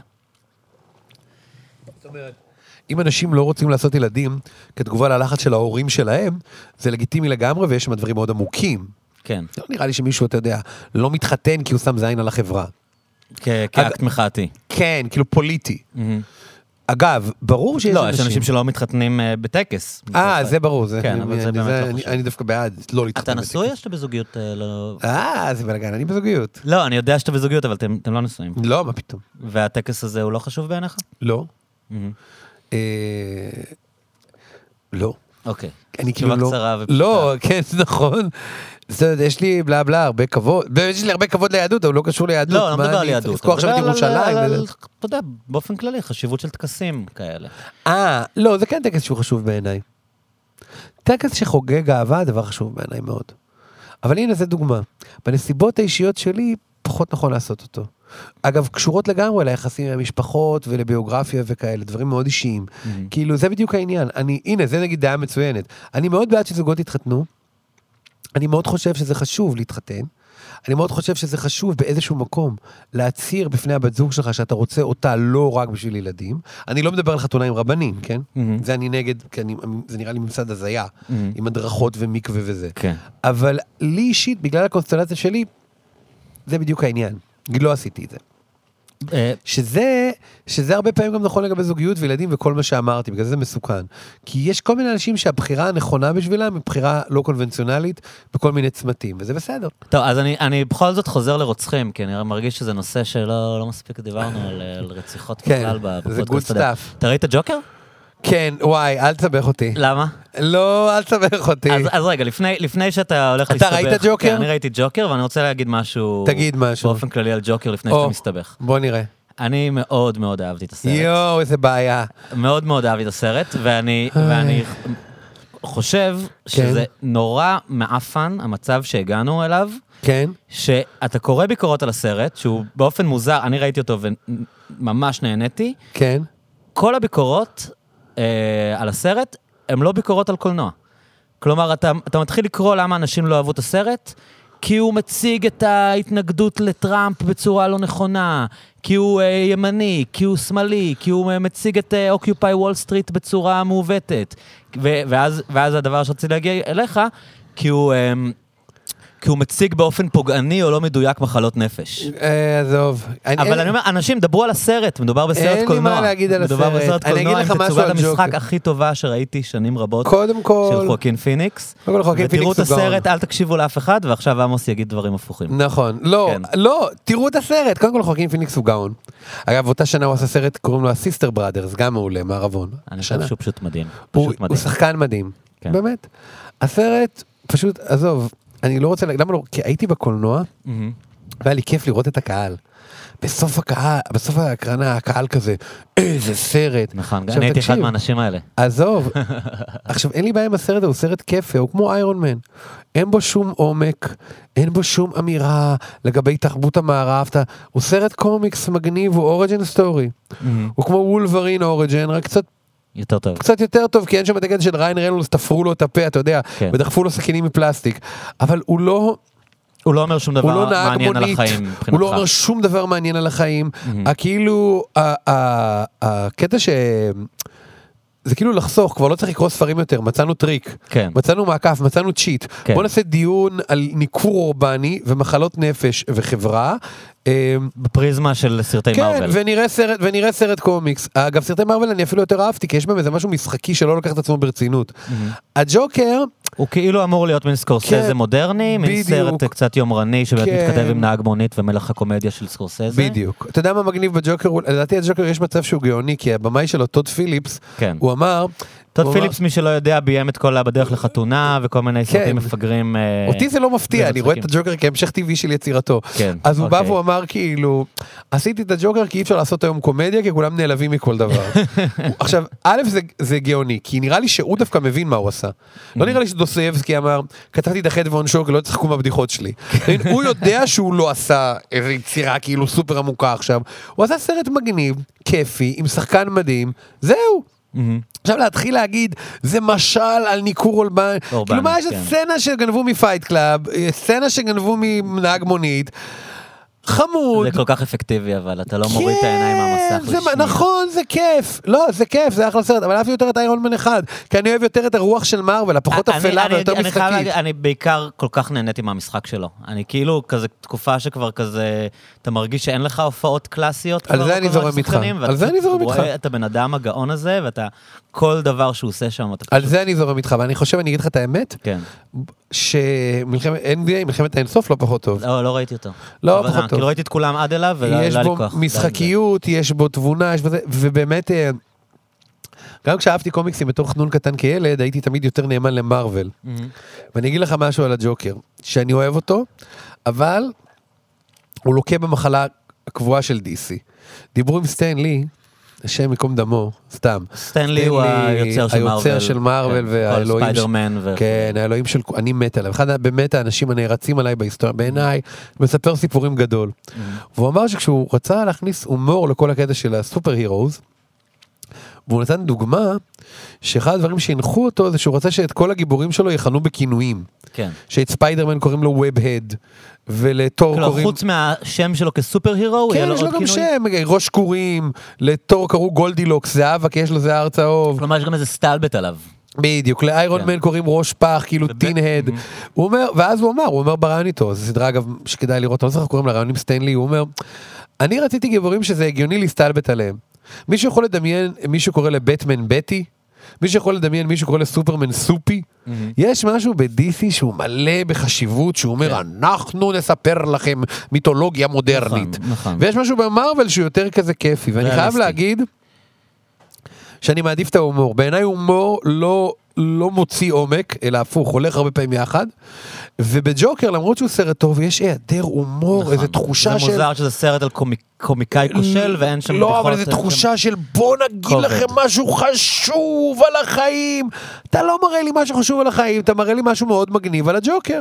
מה למדתי מזה? איזה מחלות נפש? אין לו, איזה מחלת נפש יש לו? בדיוק, אז... אז צחוקיאדה וזה. אז אה. הרבה אה, דיברו על הייצוג הפוגעני או הלא מדויק או הלא נכון של מחלות נפש. זה לא. לא פוגעני וזה לא, אז תראה, זה לא הג'וקר אשם בזה, בגלל זה, דווקא בעיניי הנערים חריגה לטובה. מהמם. הנערים הצליחה לייצר דמות של רוצח אמין, אדם מכוער. שקמה להיות קונפורמי, אה, גם הג'וקר. כאילו ככה. למה? הוא גם לא, בסך הכל מנסה לא, להשתלב. אה, אבל הוא לא באיזה מין צורה פתטית כזה, Oh, I want to be a regular man. הוא... יש משהו באמת הוא רוצה להיות יותר... כוכב. כן, יש משהו באמת יותר... ברוצחים שפוגשים, יש משהו דל ומיואש, ו... ועם קליפתי כזה, שהקליפה היא דווקא מאוד מאוד קונפורמית, ו... אני לא יודע, ג'וקר, זה מצחיק, כאילו, אי אפשר לבוא אליו בטענות שהוא לא אמין, כי הוא מציג רשע מבטמן. אבל הטענות האלה רק מראות כמה הוא, כמה הוא כאילו מלא בחשיבות עצמית, עם תחושה של כאילו אני אגיד לכם משהו על החיים. אגב, אני בטוח שהאיש שעשה אותו, עשה סרט קומיקס כיפי, אני לא בטוח שהוא חשב שהוא עושה איזה, אתה יודע, כן. יצירת מופת, אה, פשוט אנשים שלא קוראים ספרים, וכל מה שהם עושים בחיים שלהם זה לראות סדרות מאוד גרועות, אז בשבילם הג'וקר זה כאילו וואו, איזה עמוק זה. זה לא סרט כזה עמוק. כן. כאילו- אני בכלל לא חשבתי על העומק שלו, אני פשוט חשבתי לא, שהוא כן, הוא ממש חמוד, מגניב. הוא כיפי, הוא מגניב. cool, זה cool shit. אני גם אוהב אותו, אבל אני יותר אוהב את Iron Man, כי הוא יותר מצחיק ושלא יזרים מהידיים. אבל זה הרמה, זה לא כאילו, וואו, הבנתי, הג'וקר. הוא- אוקיי. אז אתה אומר, אין בכלל מה להיכנס לדיון אבל על אנשים שאתה ייצוג של אומר, מחלות נפש אנשים בסרט. שאתה אומר, אפרופו הנה פסיכולוג, אנשים שאתה אומר להם את זה נורא נעלבים. כי הם ראו בזה איזה עומקים, עכשיו אתה יודע, לא יודע, אם הם ראו באיזה עומקים, סבבה. אני לא שנאתי את הסרט הזה, אבל פשוט לא הבנתי מה ה... כן, אבל באמת, באמת אתה. מדבר קצת על מה שאני התחלתי איתו, של כאילו, אה, כל סרט קולנוע entertaining הופך להיות מין אה, אה, אה, מצע לדיון שחורג מהקולנוע, ופוליטיקת זהויות, וייצוג כן. של זה, וייצוג של כן. זה, וכאילו אף אחד לא מדבר על סרט, בן אדם עשה אחלה סרט. פעם היו סרטים... הקשר כן. הצרפתי, היו מרדפים, אנשים כאילו העריכו סרטים של שפילברג, ברור. ולא חיפשו איך משהו מיוצג שם. תראה, כאילו. הבעיה פה, אפרופו ידידנו דונלד טראמפ, ויאיר נתניהו נציגו, הסניף הישראלי שהוא כן. פתח, זה הפוסט מודרניות, זה נורא להגיד את זה, אבל זה כן. זה, לא? שמה? זה כאילו להגיד שאין גבוה ונמוך. זה כאילו להגיד, באיזה חוצפה אתה אומר, כי כמו שיש בריאליטי את האמת שלי, שהאמת זה דבר סובייקטיבי, כן. למה אתה, למה אתה אומר שזה האמת שלך, זה האמת שלי, האמת שלו? כן. אז יש עכשיו גם כבר את העומק שלי. מהמם. איך אתה מעז להגיד שהג'וקר זה יצירה שטחית? אני ראיתי בעומקים. עכשיו באמת ואז אתה אומר, על... סליחה, זה שטחי ביחס לנהג מונית, זה שטחי ביחס ל... לא יודע, כה אמר זרטוסטרה, אז אומרים לך, כן. סליחה, מי אתה? את- אתה מי תראה- אתה שתגיד? בדיוק כחתיכת סנוב מניאק, אתה שתקבע? אתה תראה את העומקים שלך פה, אני רואה את העומקים שלי שם. כן. זה הפוס... ואז, אתה יודע, ככה הבחור הכתום מהפרינטס נהיה נשיא ארצות הברית. מי אתה שתגיד מה עמוק ומה לא? כן. מי אמר, עכשיו, בעיניי זה לא מדויק, כי אני כן דווקא יכול לקבל את הקטע של לכל אחד יש את האמת שלו. אבל אני לא יכול לקבל את הקטע שמורכבות זה לא דבר שאפשר למדוד. אפשר להגיד, היצירה הזאת יותר מורכבת מהיצירה הזאת. אף אחד לא אמר שמורכבות זה טוב, אולי משהו פחות מורכב נורא ריגש אותך, אולי משהו מורכב נגע בך, אבל מורכבות זה מה... עכשיו, אנשים כל הזמן אונסים, אומרים זה פוסט מודרני, לא נכון. הנה, אנשים כותבים לך על הג'וקר, שזה בעצם הקטע עם צ'רלי צ'פלין, מייצג את האומן בחברה המודרנית, וכאילו זכותם. כן. אבל בעיניי לא, יש מתישהו אתה צריך להגיד לבן אדם, לא, זה לא... וזה באמת משהו לא כזה מורכב, אבא'לה. שהיה קיים באקדמיה הרבה בפוסט-מודרניזם. אה, ז'יז'ק נגיד היה מדבר הרבה על סרטים, ואתה יודע... זה הכי פוסט מודרני, אתה כן. יודע. ניתוח של מוטיבים שוב- לקניינים מיניים בשיריה של ליידי גאגה, אתה כן, יודע. כן. דמותו, טייק דט כאלים יווניים חדשים. זה הכי. כאילו... כי זה הכל אותו מרק, זה כאילו אנחנו מספרים את אותו סיפור שוב ושוב, וזאת עוד גרסה שלו. וזה, גם אם זה נכון, יש גרסאות שונות של תחכום ועומק בכל, בסיפור הזה. וג'וקר זה לא אחת הגרסאות הכי מתוחכמות. זה, זה בעצם גרסת כיסוי לנהג מונית, אתה יודע. כן. זה קאבר של... אה, אתה מבין במוזיקה יותר ממני, זה קאבר, אתה יודע, זה כאילו... ג'וקר זה כאילו Green Day היו עושים קאבר של הביטלס. אוקיי. חמוד, אוקיי. אבל די. טוב, אז נעזוב את הג'וקר. אה, עוד, אה, עוד אה, מכתב למערכת שקיבלת, שסיפרת לי, כי אה, כאמור החיפוש בארץ לא עבד לי טוב. כן. אה, לא יודע אם מפעיל שם את ה... סתם. אה, על בחור שאומר שהוא מעשן weed לפני השינה, כן, כן. ואתה אומר שזה היה אחד ה... אחד ה-greatest hits של המדור שלך. חבל. על הזמן, חבל על הזמן. ה- ה- ה- זה... לא יודע איך- למה להשוות אותו. אוקיי. כאילו- הסינגל. כן. הסינגל, לא, לא יודע אם הגעתי לפלייליסט של גלגלצ, אבל לפחות ניגנו אותו כמה פעמים ברשת ג'. אם לחזור לדימויים שלי כעברי כמוזיקאי כושל. כן. אה, הטקסט הכי, שקיבלתי עליו הכי הרבה תגובות, היה טקסט על הבחור שמעשן ג'וינט כל לילה, לפני שהוא הולך לישון, ואוהב להיות עם עצמו. מהמם. אני חושב שקיבלתי עליו הכי הרבה תגובות ברמה הכי פשוטה, כי יש המון אנשים וזה כאלה. מכתב למי שלא מבין שהבת זוג שלו כתבה, נכון? לא, הוא כתב. אה, הוא כתב שהבת זוג שלו מתבאסת עליו. מתבאסת עליו. אוקיי. אבל עזוב, זה רק תירוץ, זה היה רק סגווי כזה, דרך לדבר על הפולחן שינה הזה, מהמם. שבו אתה חוזר הביתה, מחכה שהבת זוג שלך תירדם, מחכה להיות לבד בסלון, מדליק ג'וינט, מעשן, נהנה כמו ילד, צוחק מנטפליקס כזה, אוכל, אתה אתה רוצה את הזמן שלך לבד. כן, בדיוק, בדיוק. שאצלי זה קיים מאז ומעולם, אני חושב שהסיבה שאני הולך לישון מאוחר, זה כי אני צריך את השעתיים האלה, כן. של אני יודע שאף אחד לא יתקשר אליי, אני בדיוק. יודע שאין אף אחד מסביב, ואחרי שכאילו הטלפון מפסיק לצלצל, אני צריך עוד שעתיים, וככה אני חושב נכנסתי מלכתחילה ל cycle הזה של ללכת לישון מאוחר כל החיים. על זה היה הטקסט הזה. הטקסט היה על זה שכאילו, מה הפונקציה הנפשית של הג'וינט לפני השינה? והתשובה היא, basically, הוא עוזר לך להיות לבד. נתן זך כתב, אתה יודע, הוא כתב פעם, כשבדידות היא לא פחד, נולדת שירה.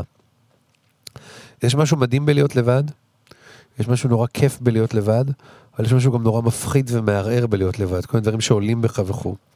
אני הרבה פעמים בחיים שלי, אני תכננתי דייטים עם עצמי שהשתבשו. אתה יודע?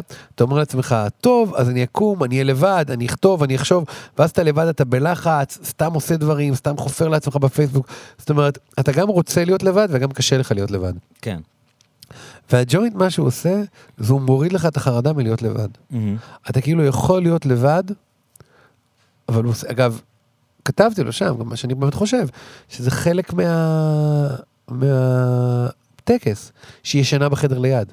הכי כיף זה להיות לבד כשיש מישהו שהוא רחוק. אתה יודע, כמו הילד הזה שמשחק בארגז, נהנה מכל העולמות? בדיוק, כמו הילד שמשחק בארגז חול ורוצה שאימא שלו תהיה בספסל, אבל שלא תתקרב אליו.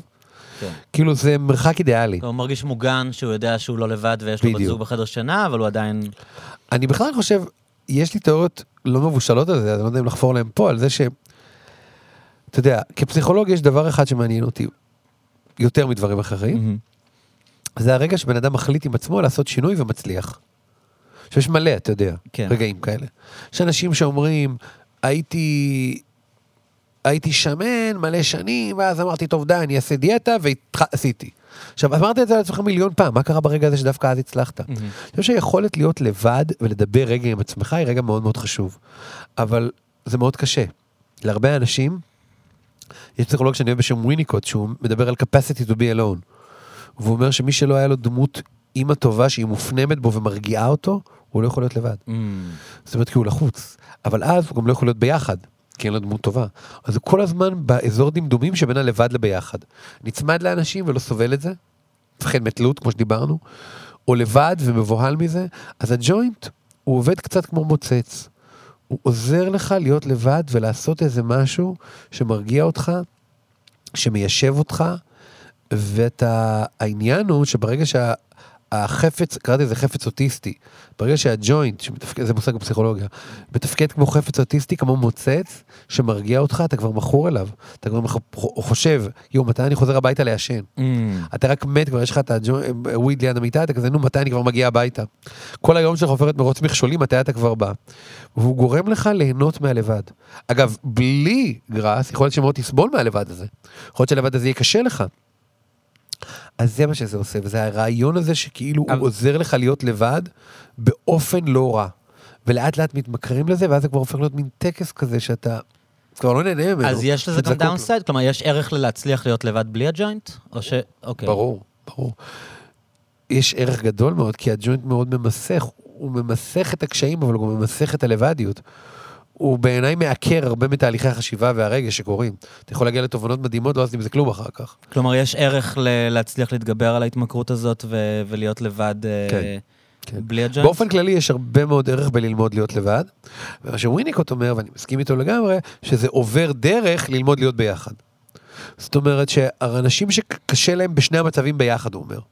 גם מישהו המון לבד, קשה לו בעצם גם להיות לבד, וקשה לו גם להיות ביחד, והוא צריך גם להיות יותר בקשרים אינטימיים מספקים, וגם להיות יותר אמיץ, ולהחזיק שנייה את עצמו רגע בלי פילטרים. אז מה יעצת לו בעצם?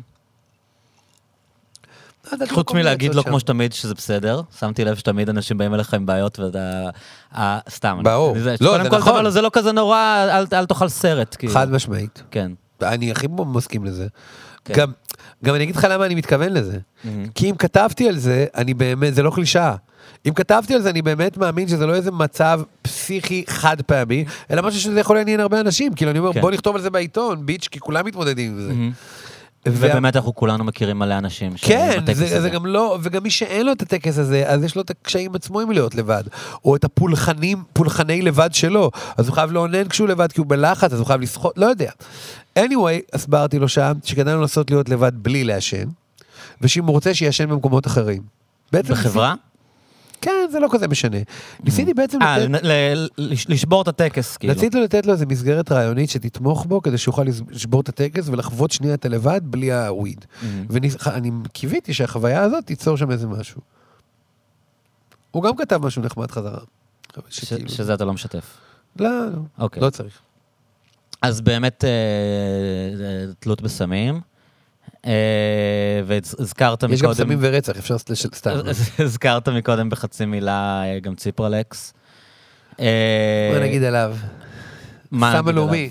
עליו? הסם- לא. הסם הלאומי. אגב, לפני שאנחנו מדברים על, אולי באמת על נוגדי דיכאון, זה נכון, אני שמתי לב שהעניין של איזה סמים לוקחים לבעיות השכיחות של המאה ה-21, הם מאוד משתנים מחברה לחברה. כאילו באמריקה ה-go to אה, הוא לפעמים שונה. כאילו נגיד, אני חושב ששם... כן? תראה, ב- בהפרעות קשב נגיד, אז שם אה, מאוד פופולרי אטרל. אה, ב- זה לא כזה, זה לא הבדלים, זה עניין של חברות תרופות. אדרל זה זה עניין. מסחרי פשוט? כן, זה אבל זה קמצנות. סמים שונים, לא לא. אטרל ו- ורטלין. זה קמצנות. Mm. אדרל יותר טוב מרטלין, זה דור אחר. פשוט קופות חולים בארץ, אומרים לך, קח רטלין, ואם זה לא יעזור, ניתן לך אדרל.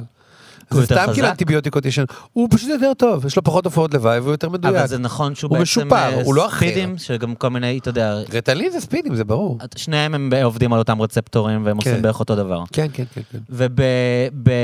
ובנוגדי דיכאון, אז אני חושב שבאמריקה עדיין הפרוזק פופולרי, פרוזק זה אותו דבר כמו ציפרלקס. אין הבדל. אבל הם- הם לא... אותו אוקיי. דבר בדיוק. מבחינת שמות- הפעולה שלהם, לא מבחינת ההרכב הכימי שלהם. מבחינת ההרכב הכימי הבדלים מאוד קטנים, זה עניין של פסיכיאטר. פסיכיאטר ייתן לך פר- אה, פרוזק, קוראים לו פריזמה, ואם כן, פריזמה נכון, לא עובדת, פריזמה. הוא ייתן לך ציפרלקס. זה לא, אני לא, אין שום הבדל. אז אתה באמת אה, פסיכולוג, אז אתה לא רושם אה, תרופות לא. כאלה. אה, מה הגישה שלך? כי, כי באמת אה, מאוד... אני אה, באדם, אני ראיתי, כן. תקשיב, בוא נגיד ככה. א', אני בעד תרופות, כי ראיתי אותם עושים דברים מאוד טובים. Mhm. SSRI במיוחד, ציפרלקס, פרוזק, פריזמה, כל אלה. איזה שרי זה הנוגדי דיכאון? כן. אמ, אה, אנשים מפחדים מהם מדי, אמ, תופעות הלוואי לרוב לא כאלה נוראיות, זה אחד. ושתיים, אה, הפחד הזה מהתלות, אני מבין אותו, אבל כמו שאמרתי לך, אני חושב שהפחד מתלות הוא כוח קצת יותר מדי חזק בחברה שלנו. אנחנו תלויים, צריך לקבל את זה.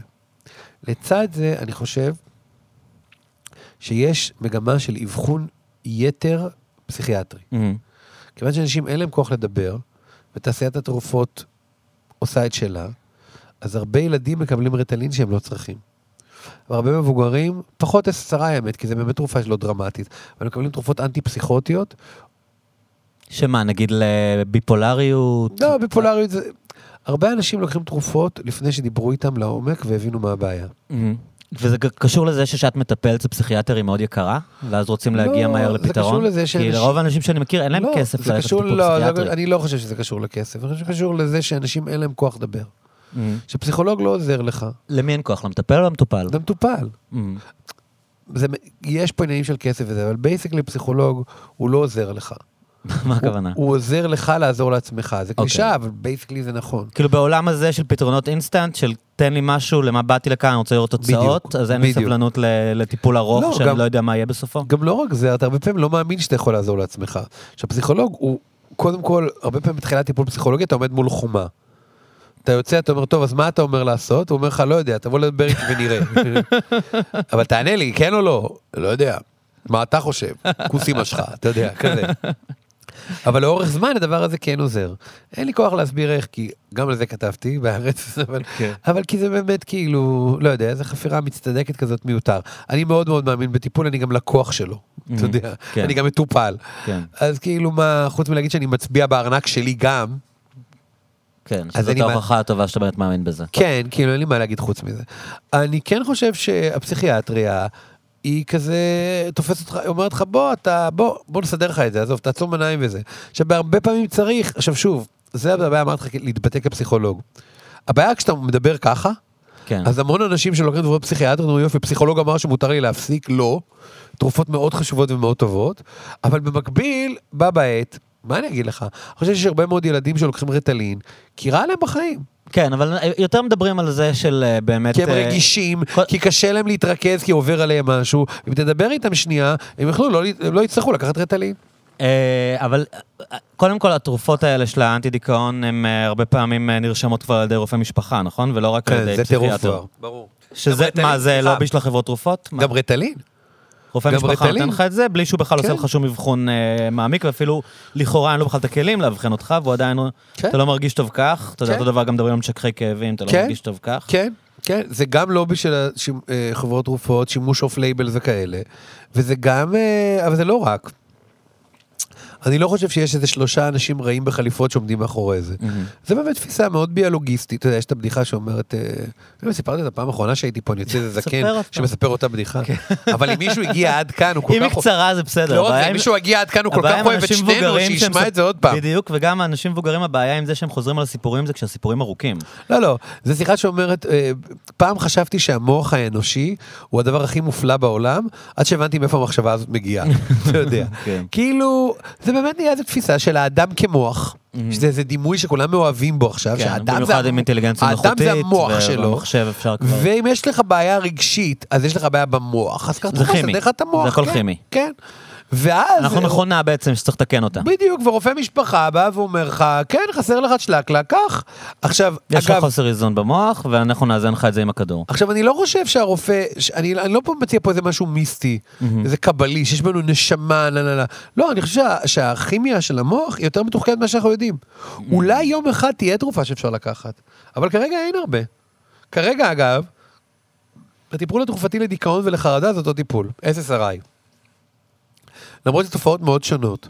התרופות הן מאוד כהות, עכשיו הן מאוד עוזרות לאנשים, ועדיין, אני חושב שיש חשיבות בלדבר.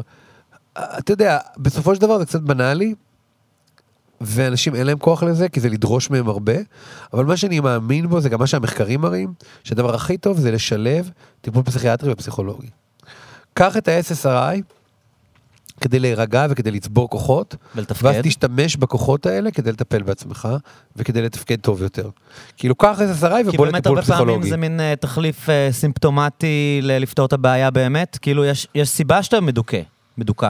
כן. אתה לא מדוכא רק בגלל חוסר איזון במוח, החוסר איזון במוח, כלומר, אפשר לתת לך כדור שיעזור לך לתפקד ולעבוד יותר טוב, אבל הבעיה היא עדיין קיימת, או יש סיבה שאתה לא כן. שמח או בדיוק, מפחד. בדיוק. השאלה אם אתה משתמש בזה כחומר הרדמה, אתה אומר, טוב, החיים שלי ימשיכו להיות מחורבנים, פשוט יהיה אכפת לי מזה קצת פחות, או, והרבה פעמים תרופות פסיכיאטריות נותנות לך איזה second win כזה, עכשיו לך, תסדר את החיים שלך. אבל יש אה, אה, תופעות אה, ל- לתרופות האלה שהן קצת, אה, איך אומרים? אה, באמת מרדימות, או הופכות אנשים לקצת יותר כהים, לא? אה, אתה לא לא עזוב. לזה ברצינות? זה לא נורא כמו שזה נשמע, למרות שהייתי ממליץ להביא לפודקאסט פסיכיאטר, בטח יבואו אנשים וישמעו אותו יותר. מהמם. זה הקלאסיק ש... כן, אתה חושב? יעקוף את השיא שלנו. למי פסיכולוג יפסיד אם לא לפסיכיאטר, אתה יודע, the real doctor, זה כזה הכי כזה, קרב חרבות, אה, the your even a Schwartz doctor, is bigger than mine, בדיוק, כן. you're not a real doctor bitch, אז הוא כן. כזה זה. זה כאילו דוקטור למגדר, פסיכולוג, סתם. כן. אה, יש מדרג. אז, אה, אז, בסופו של דבר, זה לא תופעות כאלה איומות, וזה תרופות שיש בהן הרבה מאוד דברים טובים, אבל לצד זה, אי אפשר להשתמש לדעתי בהם רק כ... זה הרבה פעמים יכול להיות משהו שמרגיע ונותן לך משאבים לפתור את הבעיה, לא הפתרון שלעצמו. לגבי התופעות לוואי, שזה דווקא מעניין מה זה עושה, אתה יודע. יש שאומרים הירידה בחשק המיני. דווקא ברמה הפסיכולוגית, זה עושה לך תיאבון, זה מוריד לך את החשק המיני. לדעתי ברמה הקוגניטיבית, זה כאילו מחזיר אותך, אפרופו לקיבעונות אוראליים, זה מחזיר אותך לקיבעונות אחרים. איך זה בדיוק עובד המוח, אי אפשר לדעת. אבל anyway, בסופו של דבר, אתה יודע, זה מצחיק להגיד את זה. כי אף אחד לא מקשיב אף פעם. זה כמו שמוסכניק אומר לך, אתה מלא אוויר בגלגלים, אתה לא מקשיב לו. כן. אבל ברור שבאמת כפסיכולוג אתה רואה את זה, שאנשים שמשלבים גם וגם, שגם מאזנים את עצמם כימית אבל גם באים לטיפול, זה השילוב הכי טוב. כן. כאילו הם צריכים את זה, אפשר גם רק לבוא לטיפול. אז באמת. קצת אה, אני קורא בזמן האחרון, אז ב... בעולם הזה של, ה... של הטיפול הפסיכולוגי, כן. אה, ר... נתקלתי בטרנדים אה, סותרים. אני לא יודע אם זה סתם דברים שכאילו... טרנדים? אני, אני, אגיד, עזוב. לך, זה לא, זה לא, לא, לא התכוונתי לעצור כאן. אה, מצד אחד... נתקלתי בטרנדים סותרים, ביי. דווקא כן, זה היה יכול להיות נכון. נחמד. לא, אבל אני גם לא יודע אם זה באמת נכון, או שזה נושאים טובים לכתבות, ב, אתה יודע, בניו יורק טיימס, אבל בגדול נתקלתי בשני דברים. אחד, אה, יש את מה שקוראים, אה, אולי אני לא אומר את זה נכון, אה, evident based. כן, based, כן. אז תכף אתה תסביר, על- אני אגיד את שני הדברים ואז אתה תסביר אני עליהם. שונא את הקארות האלה. מצד, מצד שני, אה, קראתי איזה מאמר שהיה נורא אה, ארוך, ו... שדיבר על, על, על איך בעצם בעולם הפסיכולוגיה אה, הדברים כבר פרוצים לגמרי, ברמה של יש מטפלים היום באמריקה שמשלבים קלפי טארוט בטיפול, כן. וכאילו כל טרנד שיכול להיות של אה, מיסטיקה, איי, של. ניו אייג', חד משמעית. גם הדברים האלה מחלחלים לתוך הטיפול, שזה בעצם שני דברים נכון. שהם, אתה יודע, מין ספקטרום שהולך מהאנשים שאומרים אנחנו פסיכולוגים, אנחנו מדענים, עד אנשים שאומרים אנחנו פסיכולוגים, אנחנו מומחים אומנים, רוחניים, בדיוק. אמנים, ו... בדיוק. אז איפה אתה על הספקטרום? לא, באמת, אבל בוא ת- תספר קצת כאילו מה... אני באמצע נאבק באיומים משמאל ומימין.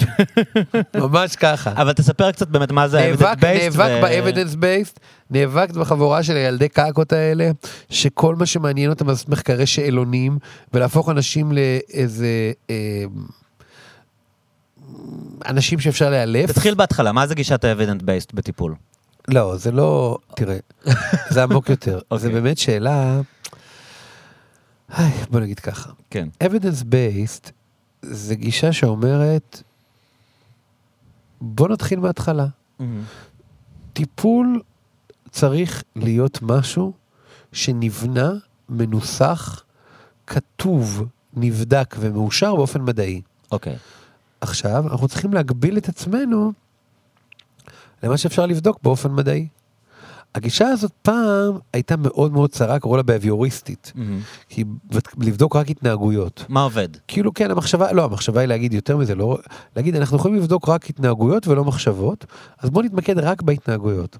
עכשיו היא עושה להם מין איזה קאמבק מתוחכם וקוראים לה קוגניטיבית באביוריסטית כי יש יותר יכולת לבדוק דברים במעבדה. FMRI ודברים כאלה? גם וגם וגם בגדול רוב המחקרים של הגישות האלה, בגלל זה אני מגחך על ה-evidence based שלהם, בנויות על שאלונים. אוקיי. זה כאילו אומר, אני אשאל אותך כמה אתה מדוכא מ-1 עד 10 לפני הטיפול, כמה אתה מדוכא מ-1 עד 10 אחרי הטיפול, התחלת ב-9, ירדת ב-7, evidence based, עזרתי לך 2. אוקיי. הדבר הזה הוא מג- מדען זה מדען כימות, אמיתי. זה, זה מטריקס כמו בכל תחומי המדע האחרים, שאם אתה לא יכול להציג את זה בגרף, אז אין לזה משמעות. חד כאילו. משמעית. עכשיו, ש- תהיה ברור, ביום שבו יראו ב-FMRI שהקורטקס שלך משתנה בטיפול מסוג אחר משאני עושה, אני הראשון שילך לעשות אותו. אבל ה-evidence base זה בעצם מבוסס על שאלונים וכל מיני טכניקות שהאמינות שלהם מאוד מוגבלת. עכשיו, מה שזה עושה זה בעצם בדרך כלל טיפולים שמתייחסים מאוד לעניין המנטלי. אוקיי. הרעיון הוא שהפרשנות שלך של האירועים היא העניין. הן שואבות הרבה מאוד דימויים במדעי המחשב. אם אתה זוכר פעם אחרונה שהייתי פה, וזה אני זוכר שאמרתי לך, דיברנו על הקטע של האדם תמיד משווה את עצמו למכונה הכי משוכללת שהוא בנה. כן. שפרויד ראה את מנוע הקיטור, שיש בו המון לחצים ובוכנות, והשווה את הנפש לדבר שמאזן לחצים. ואז, שזה התחיל עוד מדקארט, שראה את המזרקה בגני לוקסמבורג ואמר, מים ופסל זה כמו גוף ונפש. כן. יש גוף נוקשה וזורמת בו אנרגיה.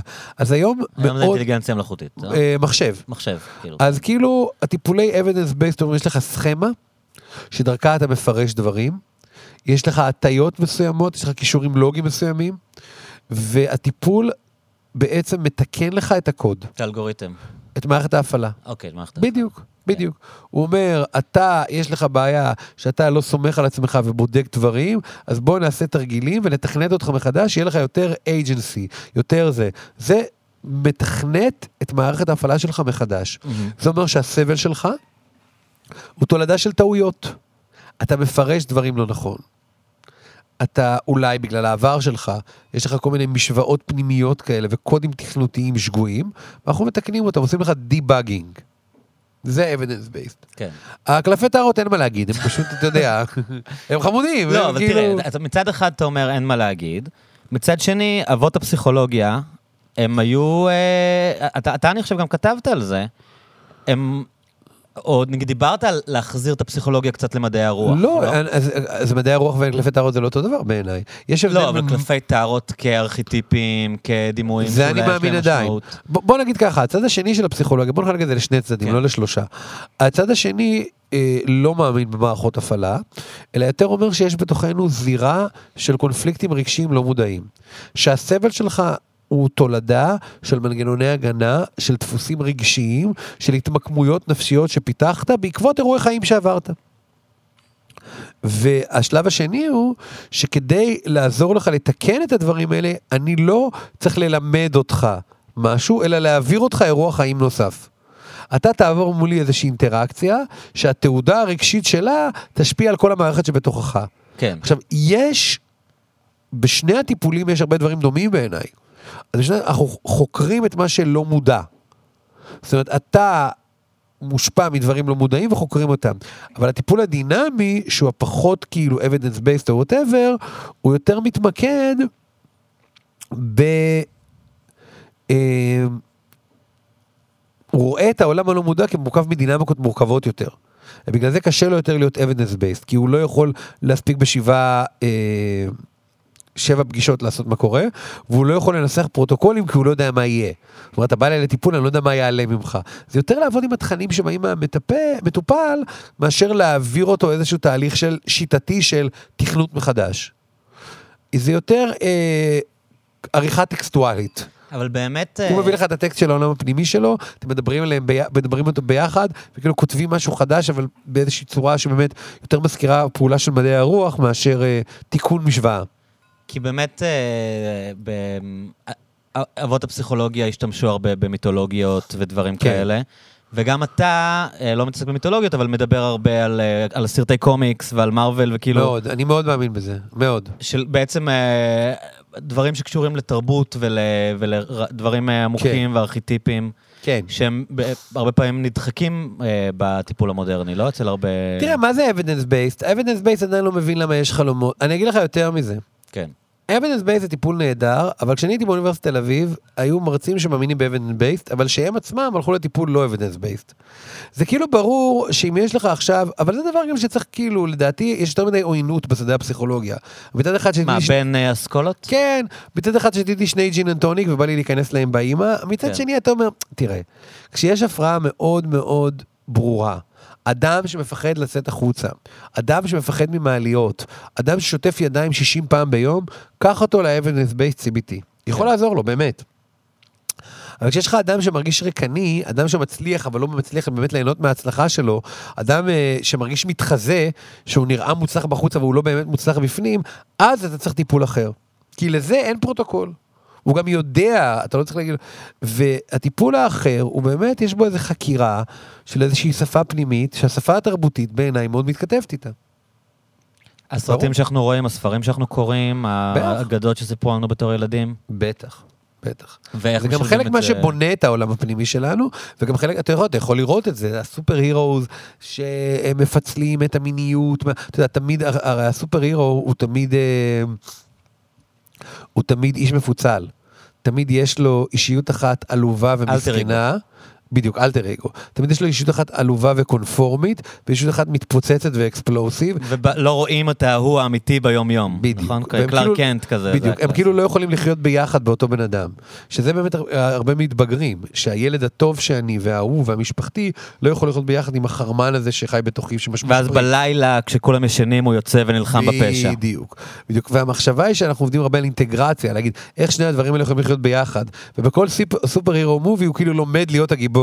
בסוף הוא כאילו לוקח בעלות על החלק הזה בדמות שלו, והוא כזה, fuck man, I'm Iron Man. שזה כאילו, האינטגרציה בום. של הצל אצל יונג? בדיוק, בדיוק. אז כן. הדברים האלה, אה, זה תבניות שמשכפלות את עצמם. זה...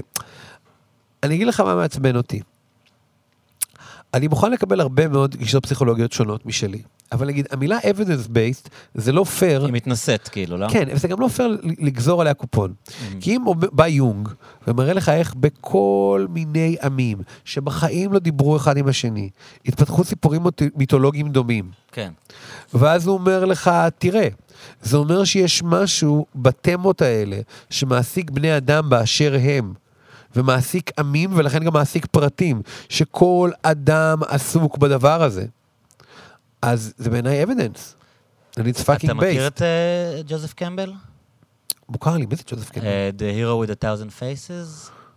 זה מין, אה, הוא? מין אה, חוקר יונגיאני, אני חושב שהוא פסיכולוג ש... שעשה מיתולוגיה השוואתית, אני חושב שהוא אוהב כן, כן, כן, מיתולוגיה כן, כן, השוואתית. כן. והוא הראה באמת איך יש אה, אה, דימויים בחברות שלא היה ביניהם שום קשר, לא, לא, זה... שחוזרים על עצמם, דרקון, אה, ברור, ש... וזה ממש, היה זהו, אז אתה אומר, is this not evidence based, motherfucker? זה evidence. כן. It's based. אז עכשיו, לגזור מהדימוי הזה מה אתה גוזר, שזה תכנים שמאכלסים את התודעה שלנו, הפרטית והקולקטיבית. כן. אז אם זה evidence, אה, תגיד, אז אם אנחנו כאן בסקירה של טרנדים בעולם הטיפול, כן. מה זה העניין הזה עם העין שנתקלתי בו כמה פעמים? איזה עין? אני אפילו רשמתי לי איך קוראים לזה, The לבדוק רגע. זה טיפול ב- כזה שבודקים את סיפורה ה... של שפחה. לא, משהו עם התנועת עין שבודקים לך. אה, EMDR. כן, בדיוק. אה, כן. וואי, זה מגניב. אוקיי, אז אני לא יודע מה זה, תספר לי. עולם הסיפור, עולם הטיפול... לגלגל לך סיגריה? כן, כן. קח את זאת. תגיד, איזה חמוד אתה.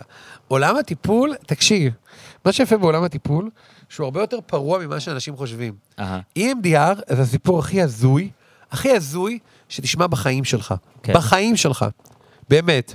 אוקיי, בוא נספר סיפור. אחרי- ההכנה הזאת אני בטוח שאני לא, לא, לא, לא, אתאכזב. תקשיב. אוקיי. אני מביא לך פה סיפור לפנתיאון. כן.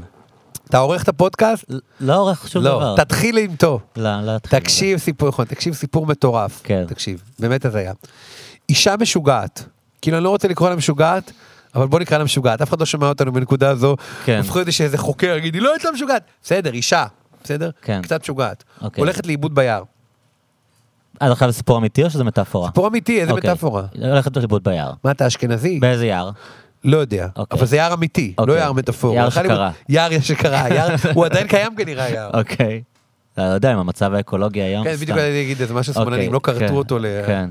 לא כרתו אותו לעשות אה, אם- שלטים אם הוא לא. באמזונס. כן, אוקיי. בדיוק. הולכת לאיבוד ביער והיא נורא לחוצה. ואז היא מסתכלת ימינה שמאלה, ימינה שמאלה, ימינה שמאלה, ימינה שמאלה, בפאניקה. ואז מוציאים אותה מהיער. ואז היא אומרת לעצמה שהיא שמה לב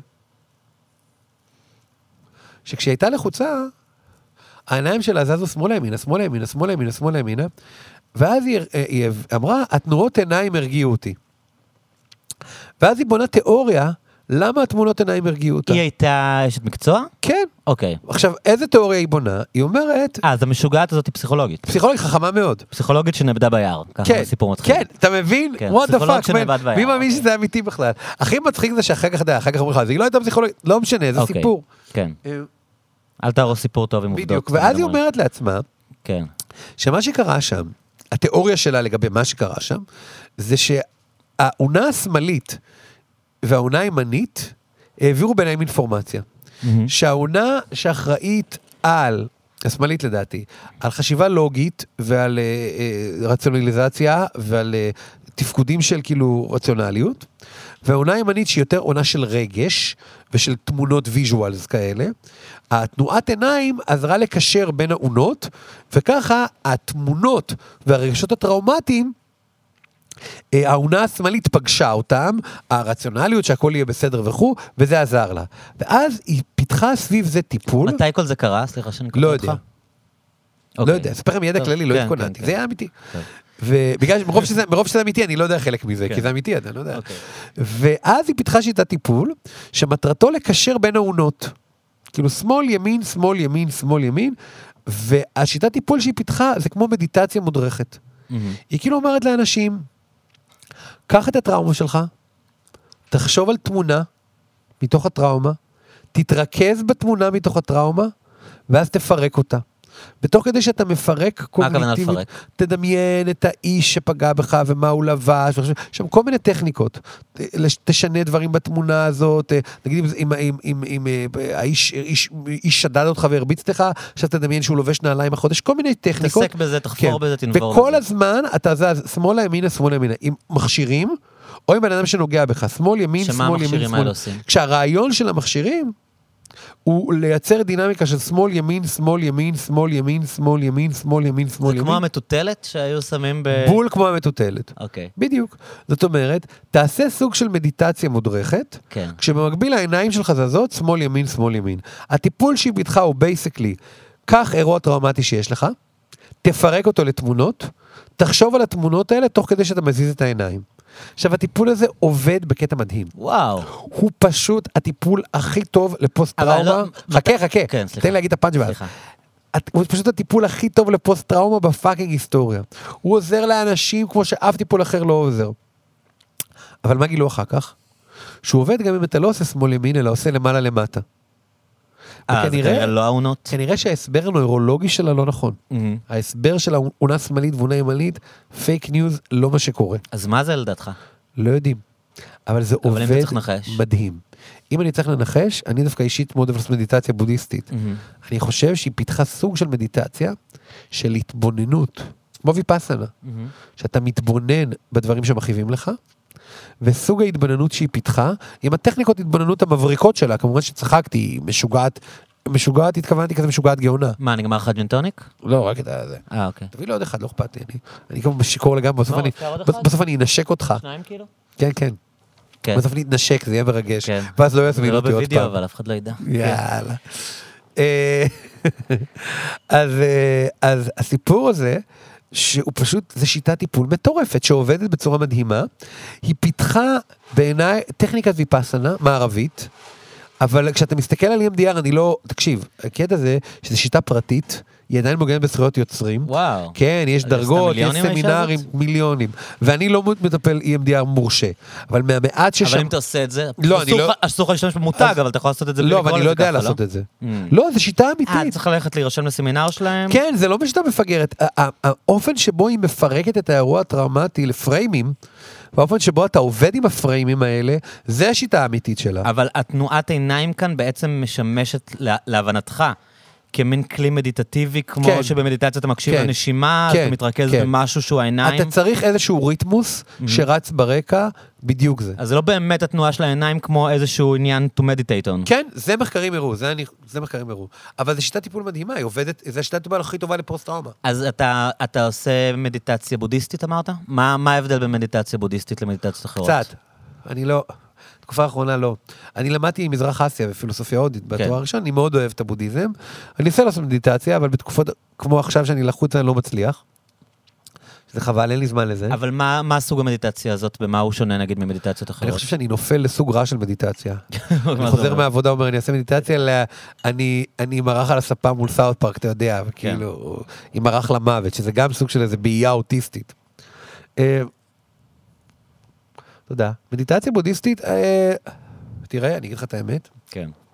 רק, בגלל שהבודהיזם מאוד יקר לליבי, אני מפחד להגיד עליו שטויות. אוקיי. אבל לא משנה, זה... קשה לי להגיד את זה, אתה יודע, כאן, מדיטציה- פודקאסט, מדיטציה. בודהיסטית היא כלי מאוד מאוד חזק ל-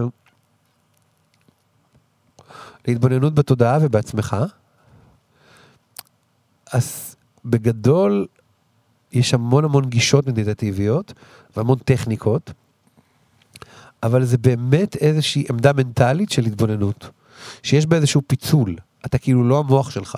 מה שאתה מרגיש ואתה חווה זה חוויות ורגשות, אבל האישיות שלך היא איזושהי זירה רחבה יותר, שבה אתה יכול להתבונן בדברים האלה.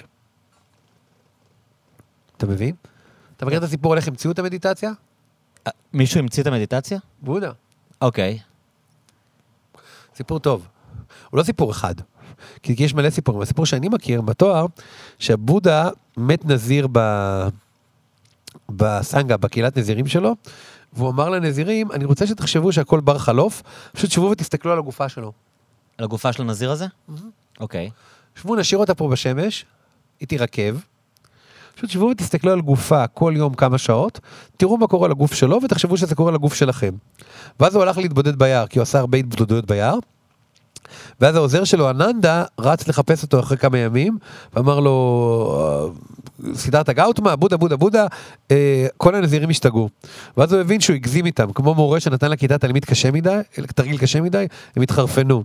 ואז הוא אמר להם, בסדר, רציתי שתחשבו שהכל בר חלוף, ושתראו את הטבע האשלייתי של הדברים, אבל נראה לי הגזמתי עם הקטע של המוות, אז תתרכזו בנשימות במקום. אז ככה הוא המציא, זה המיתוס על איך הוא המציא תרגול הנשימות. כשהרעיון הוא באמת להסתכל על איזושהי דינמיקה, על איזו תנועה פנימית שיש בך כל הזמן, ולראות אותה כתנועה. שהרגשות, שהגופניות, שהכל זה איזה הוויה משתנה תמיד. יש בזה הרבה כוח כשאתה באמת מבין את זה. שמה שאתה מרגיש וחווה עכשיו, א', הוא לא יימשך לנצח, ב', הוא לא איזושהי אמת. זאת כאילו החוויה שלך, שאין בה איזה משהו קבוע ומאוד אמיתי, והוא תכף ישתנה, והוא גם בכלל לא כזה טוטאלי כמו שאתה חושב. אבל אתה יודע, להסביר מדיטציה, אתה משלב את זה בטיפול? כי יש עכשיו את הטרנד של המיינדפולנס שמאוד אה, מחלחל ו... זה list שלי. אה, עוד לא הגעת לזה? לא, אני בישראל, יוקר המחיה. אני צריך ללמוד את זה, אבל אין לי זמן ואין כסף לזה. אני משלב את זה כי זה חלק ממי שאני, אז מי שאני מטפל בו ומכיר אותי, אז הוא נחשף לרעיונות האלה. אבל אני לא מטפל דרך טכניקות של מיינדפולנס, כי אני לא... יש כאילו. ביקורת של אנשים מהבודהיזם ש... שהמיינדפולנס זה מין אה, טרנד כזה כן. שלוקח אלמנט מאוד ספציפי מתוך הבודהיזם, כן. בקונטקסט צר יחסית, ומנסה רק להוציא את ה... אני בטוח שזה... מה שאפשר לה- להשיג מזה לבן אדם המערבי, בלי להבין נכון. את העומק של. הבודהיזם. ברור, ברור. עזוב, תחשוב, זה מוציא את החמלה. אמ, בבודהיזם חלק מאוד חשוב זה חמלה כלפי כל היצורים החיים. עכשיו, כשאתה עושה סשן מיינדפולנס בחברת הייטק, כן, אתה עושה סשן מיינדפולנס ב-WeWork, איך אנחנו נתפקד יותר טוב וב- ונגיע לתוצאות. בדיוק, ובמקביל מזיין אנשים בהנפקה, משהו בתרגול הבודהיסטי שלך לוקה בחסר. אתה מבין? כן. עשית פעם ויפאסנה ודברים לא. כאלה? עשיתי מדיטציה הרבה, אחרי הצבא הייתי ב... גרתי במנזר זן בארצות הברית, היה כיף. וואו, לא, בקליפורניה? גר, ארבעה ימים. לא, שבוע. גרתי כמו לנרד לא כהן. כזה. שלאונרד כהן היה עושה זן, נכון? כן. היה מקדש זן. לא, ב- איזה מנזר זן שיש בו גם חדרי הערכה כזה, פשוט התארחתי שם שבוע, והייתי עושה מדיטציה איתם ו... בקליפורניה? כן, בלוס סן פרנסיסקו. שהיא בקליפורניה. כן. טוב, בסדר, ג'ין טוניק שלישי. כן, כן. לא, גם אחרי זה הייתי ב-LA, וזה נתפס לקליפורניה, שזו הוויה מאוד שונה. אז דיברנו על, אה, על אה, כל מיני טרנדים משונים והתחום הפרוץ של אה, פסיכולוגיה בימינו. כן, רגע, ככה זה קפצנו מהזה, אה, מהבודהיזם. כן. אז טרנדים. אז עוד פסיכולוגיה, לא מדברים על טוטנאם? אתה רוצה לדבר על טוטנאם? בוא נדבר על טוטנאם. אז סתם. ת- ניתן לך דקה, תגיד מה שאתה אומר על טוטנאם, אני לא לא עוקב אחרי כדורגל אנגלי די, די, אני לא, זה מאוד. מרגש אותי, תדע לך, כן. עזוב מדיטציה, אתה יודע, כן. כל הנושאים שדיברנו, בודהיזם אני מאוד אוהב, פסיכולוגיה. תשאל אותי בימים האחרונים איפה אני עכשיו, בטח שאחרי הג'ין אנטוניק השלישי, אני חושב המון על טוטנאם. אני חושב על טוטנאם יותר ממה שחשבתי על כל מה שאמרנו, דיברנו עליו עד עכשיו. אז תסביר. לא, כאילו, אתה יודע, מה אתה חושב על טוטנאם? מה שמרגש, כן. תראה, כפסיכולוג, זו עבודה מאוד מלחיצה. כי מצד אחד אתה כל הזמן פועל מתוך הנחה שפסיכולוגיה זה דבר אמיתי. מצד שני, תמיד מנקר בך ספק, האם פסיכולוגיה זה דבר אמיתי? האם אני באמת יכול לעזור לבן אדם הזה? אולי הבעיות שלו זה בחיים האמיתיים. אה, אבל עם השנים אתה נורא נהנה לראות שאתה כן יכול לעזור לבני אדם. ועדיין זה כיף לשמוע שפסיכולוגיה זה דבר אמיתי, כמו למשל מה שקורה לטוטנאם. תקשיב, טוטנאם... מה ש- קורה לטוטנאם? לא טוטנאם. שנה שעברה, אחת הקבוצות הטובות בעולם. כן, בדרך למעלה. כן. אה, הנה, אפילו יש לנו המלצת צפייה, תראה איזה עכברי טלוויזיה אנחנו. אה, מגיעה לגמר של הצ'מפיונס ליג, מפסידה לליברפול, בסדר. נכון, זה ראיתי. ונותנת עונה מדהימה. כן. לפני תחילת העונה, קונה את אה, נדומבלה, יש איזו תחושה שהנה הקבוצה הולכת לתת בראש, או להשתדרג. כולם אומרים, סיטי וליברפול עדיין חזקות מדי, אבל אולי טוטנאם... אבל צ'לסי עכשיו, לא? היה להם את הפתיחת עונה הכי נכון. טובה בהיסטוריה או לא, משהו. לא, לא, לא, לא, צ'לסי, ליברפול. אבל מה, כולם צ'לסי אומרים- ניצחו את כל המשחקים בינתיים, לא, ליברפול ניצחו את כל המשחקים בינתיים. אוקיי, סליחה. אבל עזוב את צ'לסי. כן. מה שמעניין פה זה לבוא ולהגיד, שכאילו אתה אומר, טוטנאם הולכים לתת עוד קפיצה. ואז יש להם איזה קיץ מוזר, שלא ברור אם השחקנים יעזבו אותם לקבוצות גדולות יותר, או שהם בעצמם קבוצה גדולה. הם חווים איזשהו משבר פסיכולוגי.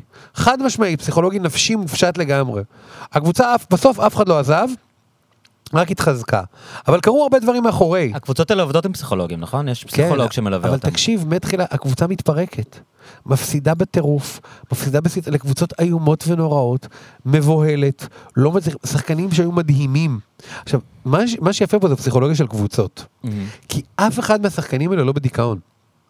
אני עוקב יש אחרי... עניין של דינמיקה קבוצתית בעצם. כן, אתה יודע, אני רואה אחרי הווידאו שלהם, אני כאילו, מסתכל בטוטנאם, אני כן. באינסטגרם, בזה, של כל הטוטנאם. זה לא אנשים בדיכאון.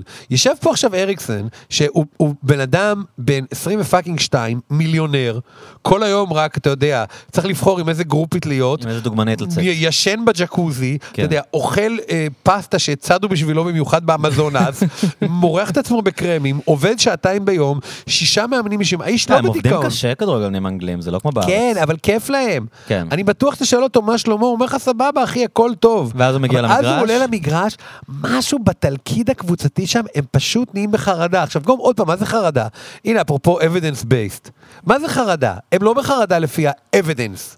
אני די בטוח. בשאלון הם לא יצאו כן. אני לא בטוח שאתה תחבר אותו למד של אה, מוליכות חשמלית של האור, שלפיו בודקים חרדה, הוא לא בחרדה, הבן אדם לא בהתקף חרדה, הוא מה, הוא מוסר איבד. מוטיבציה? לא, גם לא, לא ברור. זה, אתה מבין? זה השד אז הלא אם מודע. היית עובד עם קבוצה זה כזאת. איך היית ניגש לזה? נגיד היו אומרים לך... לא יכול לעבוד עם טוטנאם, לוקח את זה יותר מדי ללב. לא משנה, קבוצה. אחרת, אז, "אה, אנחנו כבר, אה." קבוצה אחרת עם בעיה כזאת, אומרים אה, אנחנו עובדי עצות, אנחנו רוצים שתבוא זה לעזור לנו. לא יודע, אני לא יודע. אני לא יודע מה הייתי עושה, כי אני לא יודע מה קורה להם. בגלל זה אני חושב על זה הרבה. אוקיי. אני כאילו אז- אומר, מה אז קורה באמת להם? דיברת על כאילו מה, על, על מה עובד ומה זה, אז יש במקביל אליכם, כן. אנשים אה, רציניים שלמדו ועשו התמחות כן. ארוכה וקיבלו כן. חרא של כסף בהתמחות. יש בעולם אה, טרנד לא חדש, אבל ש, שמסרב למות ומשגשג, של קואוצ'ינג. אה, אני מת על קואוצ'ינג. אוקיי, אז אתה ראית את הסרט על טוני רובינס, אפרופו זה שאנחנו מדברים רק על לא ראיתי את נטפליקס? הסרט, אבל ראיתי הרבה וידאוים של טוני רובין. טוני רובינס הוא היום אה, אולי הקואוצ', או כמו שאומרים בישראל, משום הקואוצ'ר. אה, זה- זה עיוות כן. אה, המצליח בעולם. שבאמת יש לו אינסוף חסידים והרצאות שלו עולות מלא כסף. הוא היה עכשיו בישראל, הופיע בנוקיה לפני אלפי אנשים ששילמו את מיטב כספם Yes. לשמוע אותו מדבר שעה וחצי, שעתיים. שרי אריסון רקדה בטירוף. כן, שרי אריסון לא הייתה הייתי שם? שם, אבל היה כתוב בהארץ, אה, ששרי- שריר כתב משהו יפה. שרי אריסון כולה רוקדת באקסטזה שם וזה. אם, אם לא ראיתם את הסרט, זה קצת קשה להבין את התופעה המאוד קיצונית הזאת של טוני, טוני טוני רובינס. טוני רובינס? יש פרק של Family Guy, אתה הבן אתה אדם מבין כאילו. כ- כ- איך הג'ין טוניק השפיע כן, עליי, גם אני, כאילו, אנחנו בשלישי. השם שלו תוך כדי שאנחנו מדברים. עכשיו נהיה כיף. אבל... אה, אתה מבין, מרוב שאני שיכור, אני רק רוצה לדבר איתך על טוטנאם כל הזמן. אז רגע, שנייה. זהו, אני כבר במצב הזה. טוני רובינס. כן. שכמייצג של תופעה של אנשים שאומרים, טוב, אני כאילו, אני הולך לטיפול, אני מדבר עם בן אדם, אני לא יודע מה לא, להגיד לא, לו, אני בוא, חוקר, בוא. אני מדבר איתו. אני אגיד לך מה אני חושב בא- רגע, בא בן אדם, בא- בא מאמן, לא מטפל, מאמן. עוזר לו. שאומר לך, בן אדם, אתה צריך לעשות 1, 2, כן. 3, ואני לא מוכן לשמוע ממך את התבוסתנות הזאת יותר. כן. ומחר אתה קם בבוקר, ואתה הולך לעבודה, כן. ואתה הולך לתת להם בדיוק, בראש. בדיוק. והרבה אנשים אומרים, אוקיי, זה מה שאני צריך lads. בחיים. כאילו." נכון, נכון. א', אני לא כזה נגד קואוצ'ינג כמו שהיית מד- מדמיין. אני חושב שזה יכול כי לעזור להרבה פסיכולוגים אנשים. בטח נגד קואוצ'ינג, קודם כל זה זה מאיים עליהם, לא יודע. יש- אבל אנשים כן מתייחסים יש לזה גם פסיכולוגים כ- אוהדי צ'לסי, אי אפשר לסמוך על העם הזה. אבל אני אומר לך, לא, אבל יש אנשים שמסתכלים על אה, פגישות אצל קואוצ' כתחליף לטיפול פסיכולוגי. אני אגיד לך מה התיאוריה שלי על קואוצ'ינג. אוקיי. אמ, יש פסיכואנליטיקאי שאני מאוד אוהב בשם בולס, שאומר משהו מאוד יפה. הוא אומר שהרבה פעמים השיח הטיפולי מתעצב כתמונת מראה של המציאות החברתית. כן.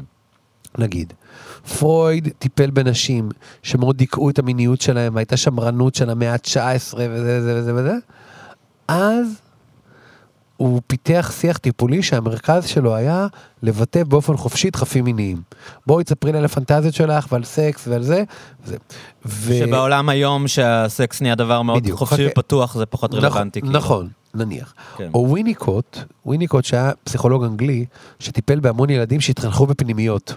שמה זה להתחנך בפנימייה? זה מגיל מאוד קטן, לוקחים אותך עכשיו למסגרת, ומעכשיו אין יותר אני, אתה עכשיו צריך להיות חלק מקבוצה ולהתחשב במוסד.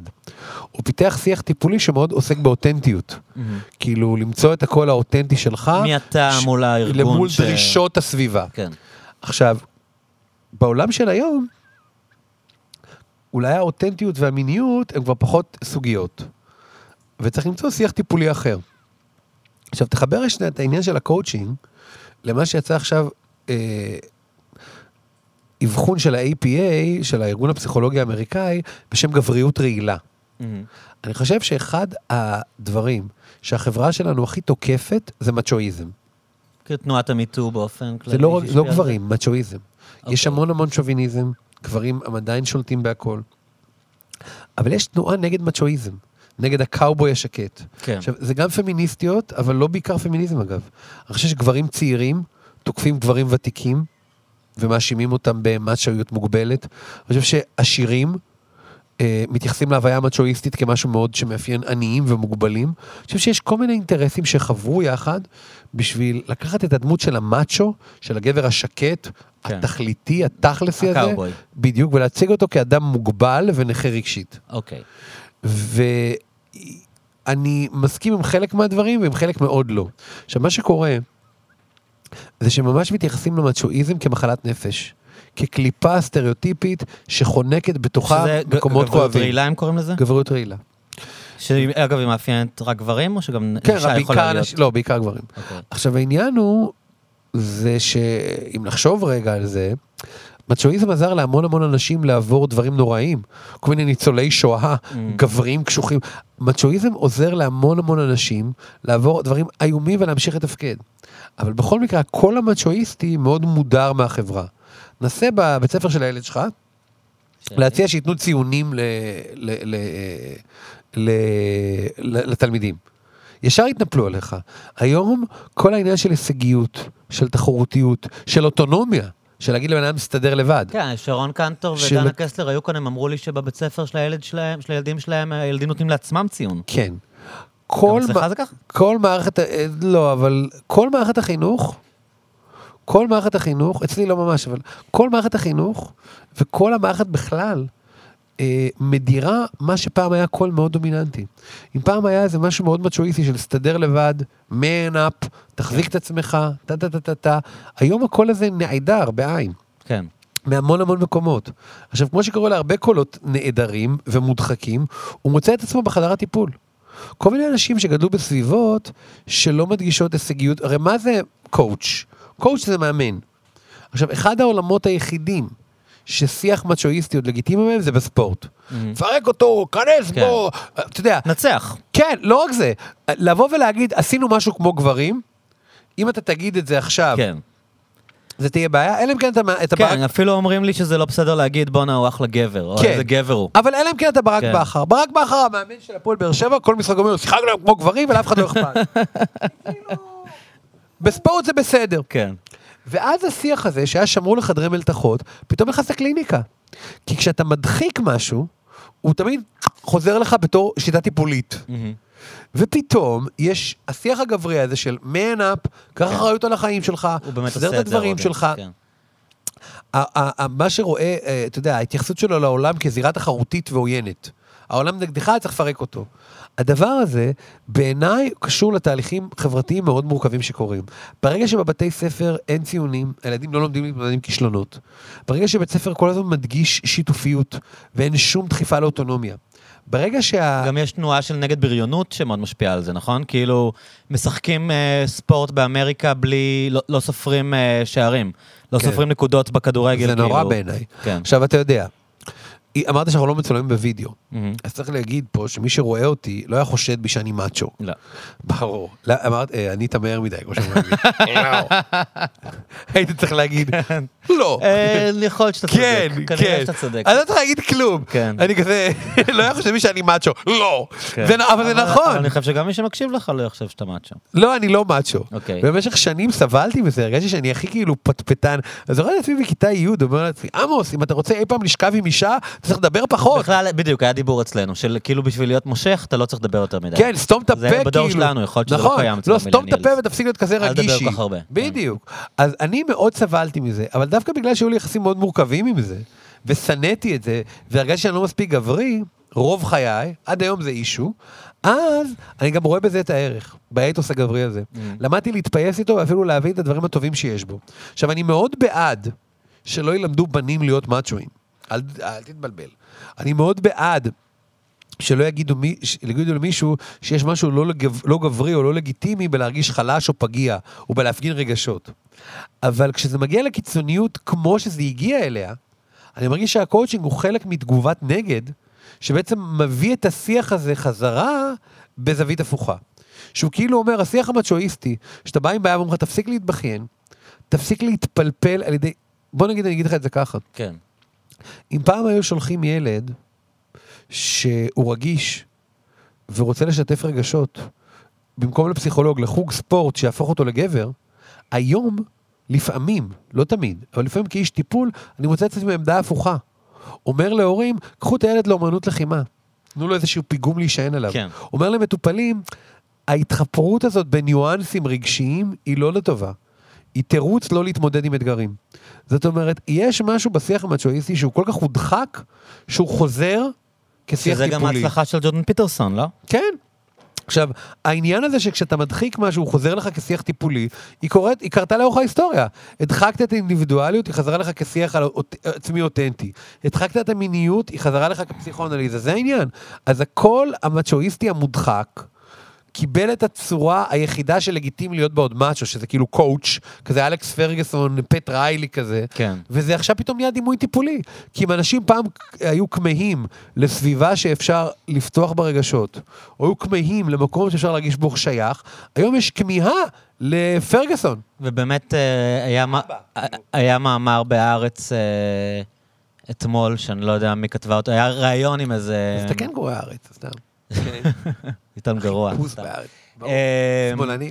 לא, אבל היה ראיון עם איזושהי אה, דוקטורית שדיברה על, ה, הקריסה של הגבר אלפא, כאילו, ואיך אה, בעצם... אוי, זאתי שאמרה על אפקט קולדיץ' וכל זה, שאהבה זה זה, שנשים צריכות להיגמל מגברי האלפא, שאהבה זה כן, אוקסיטוצין כן, וזה. כן. לא, אבל היא, היא תיארה איך כאילו יש לחץ חברתי אה, למחוק את הגבריות אלפא, ו, ובעצם נשים כן נמשכות מינית לזה בסופו של דבר. אה, כן, אני, מה אני אגיד לך על הכתבה ממש הזאת? קל לי שאישה אמרה את זה, אני מרגיש הרבה פחות. לא, כן, זה כאילו פוליטיקת זהויות. כן. לא יודע, הכתבה הזאת, כל מי שאומרת שאהבה זה אוקסיטוצין, אפרופו המוח. זה מה? סליחה, מה היא אמרה המילה? אהבה, אני אגיד לך מה... אה, דופמינים במוח ו...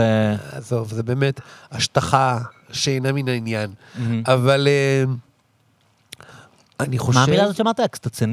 איך זה נקרא? אתה- אוקסיטצין. שזה זה פשוט הורמון. כאילו המוח שלך פולט איזה לא. שאהבה זה חומר כימי, זה כן. חומר כימי שהוא. ה- שזה אהבה וזהו. קשקוש מוחלט, אהבה זה הרבה יותר עמוק מדבר הזה, זה לא רק הורמון מסוים, זה איזה קשר מורכב, עם- לא משנה. מה זאת אהבה, כמו שביאליק שאל? בדיוק. והאוורד ג'ונס וכל אחד.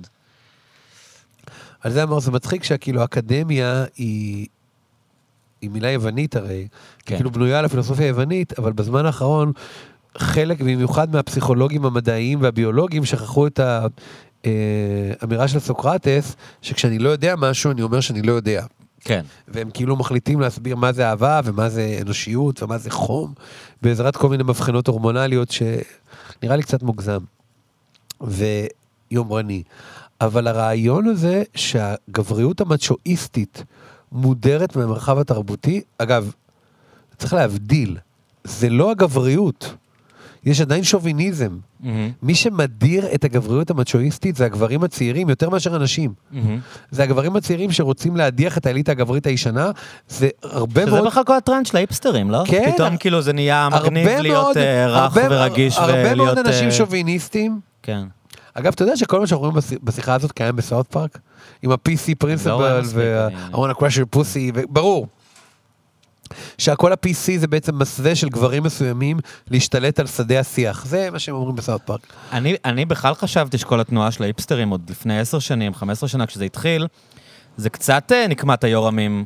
כאילו כן. אנשים הצליחו, אתה יודע, והכרתי בחיים שלי אנשים שהיו גיקס בתיכון ו- ולא נחשבו סקסים, ופתאום עם הצמיחה של התנועה הזאת של האיפסטרים, הם פתאום הפכו להיות סופר מגניבים, והם הצליחו אשכרה ליצור מין שינוי תודעתי של הגברים שחשבת שהם חתיכים ושהם השווים והם הסקסים, הם סתם לוזרים, ואני, שאתה יודע, לוקח אה, ציפרלקס ויש לי מחשבות עמוקות ואני קיבלתי כאפות וגאון בתיכון.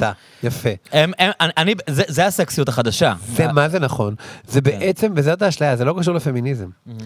ה- הדיכוי המגדרי והאלימות השוביניסטית קיימת, אין שאלה בכלל.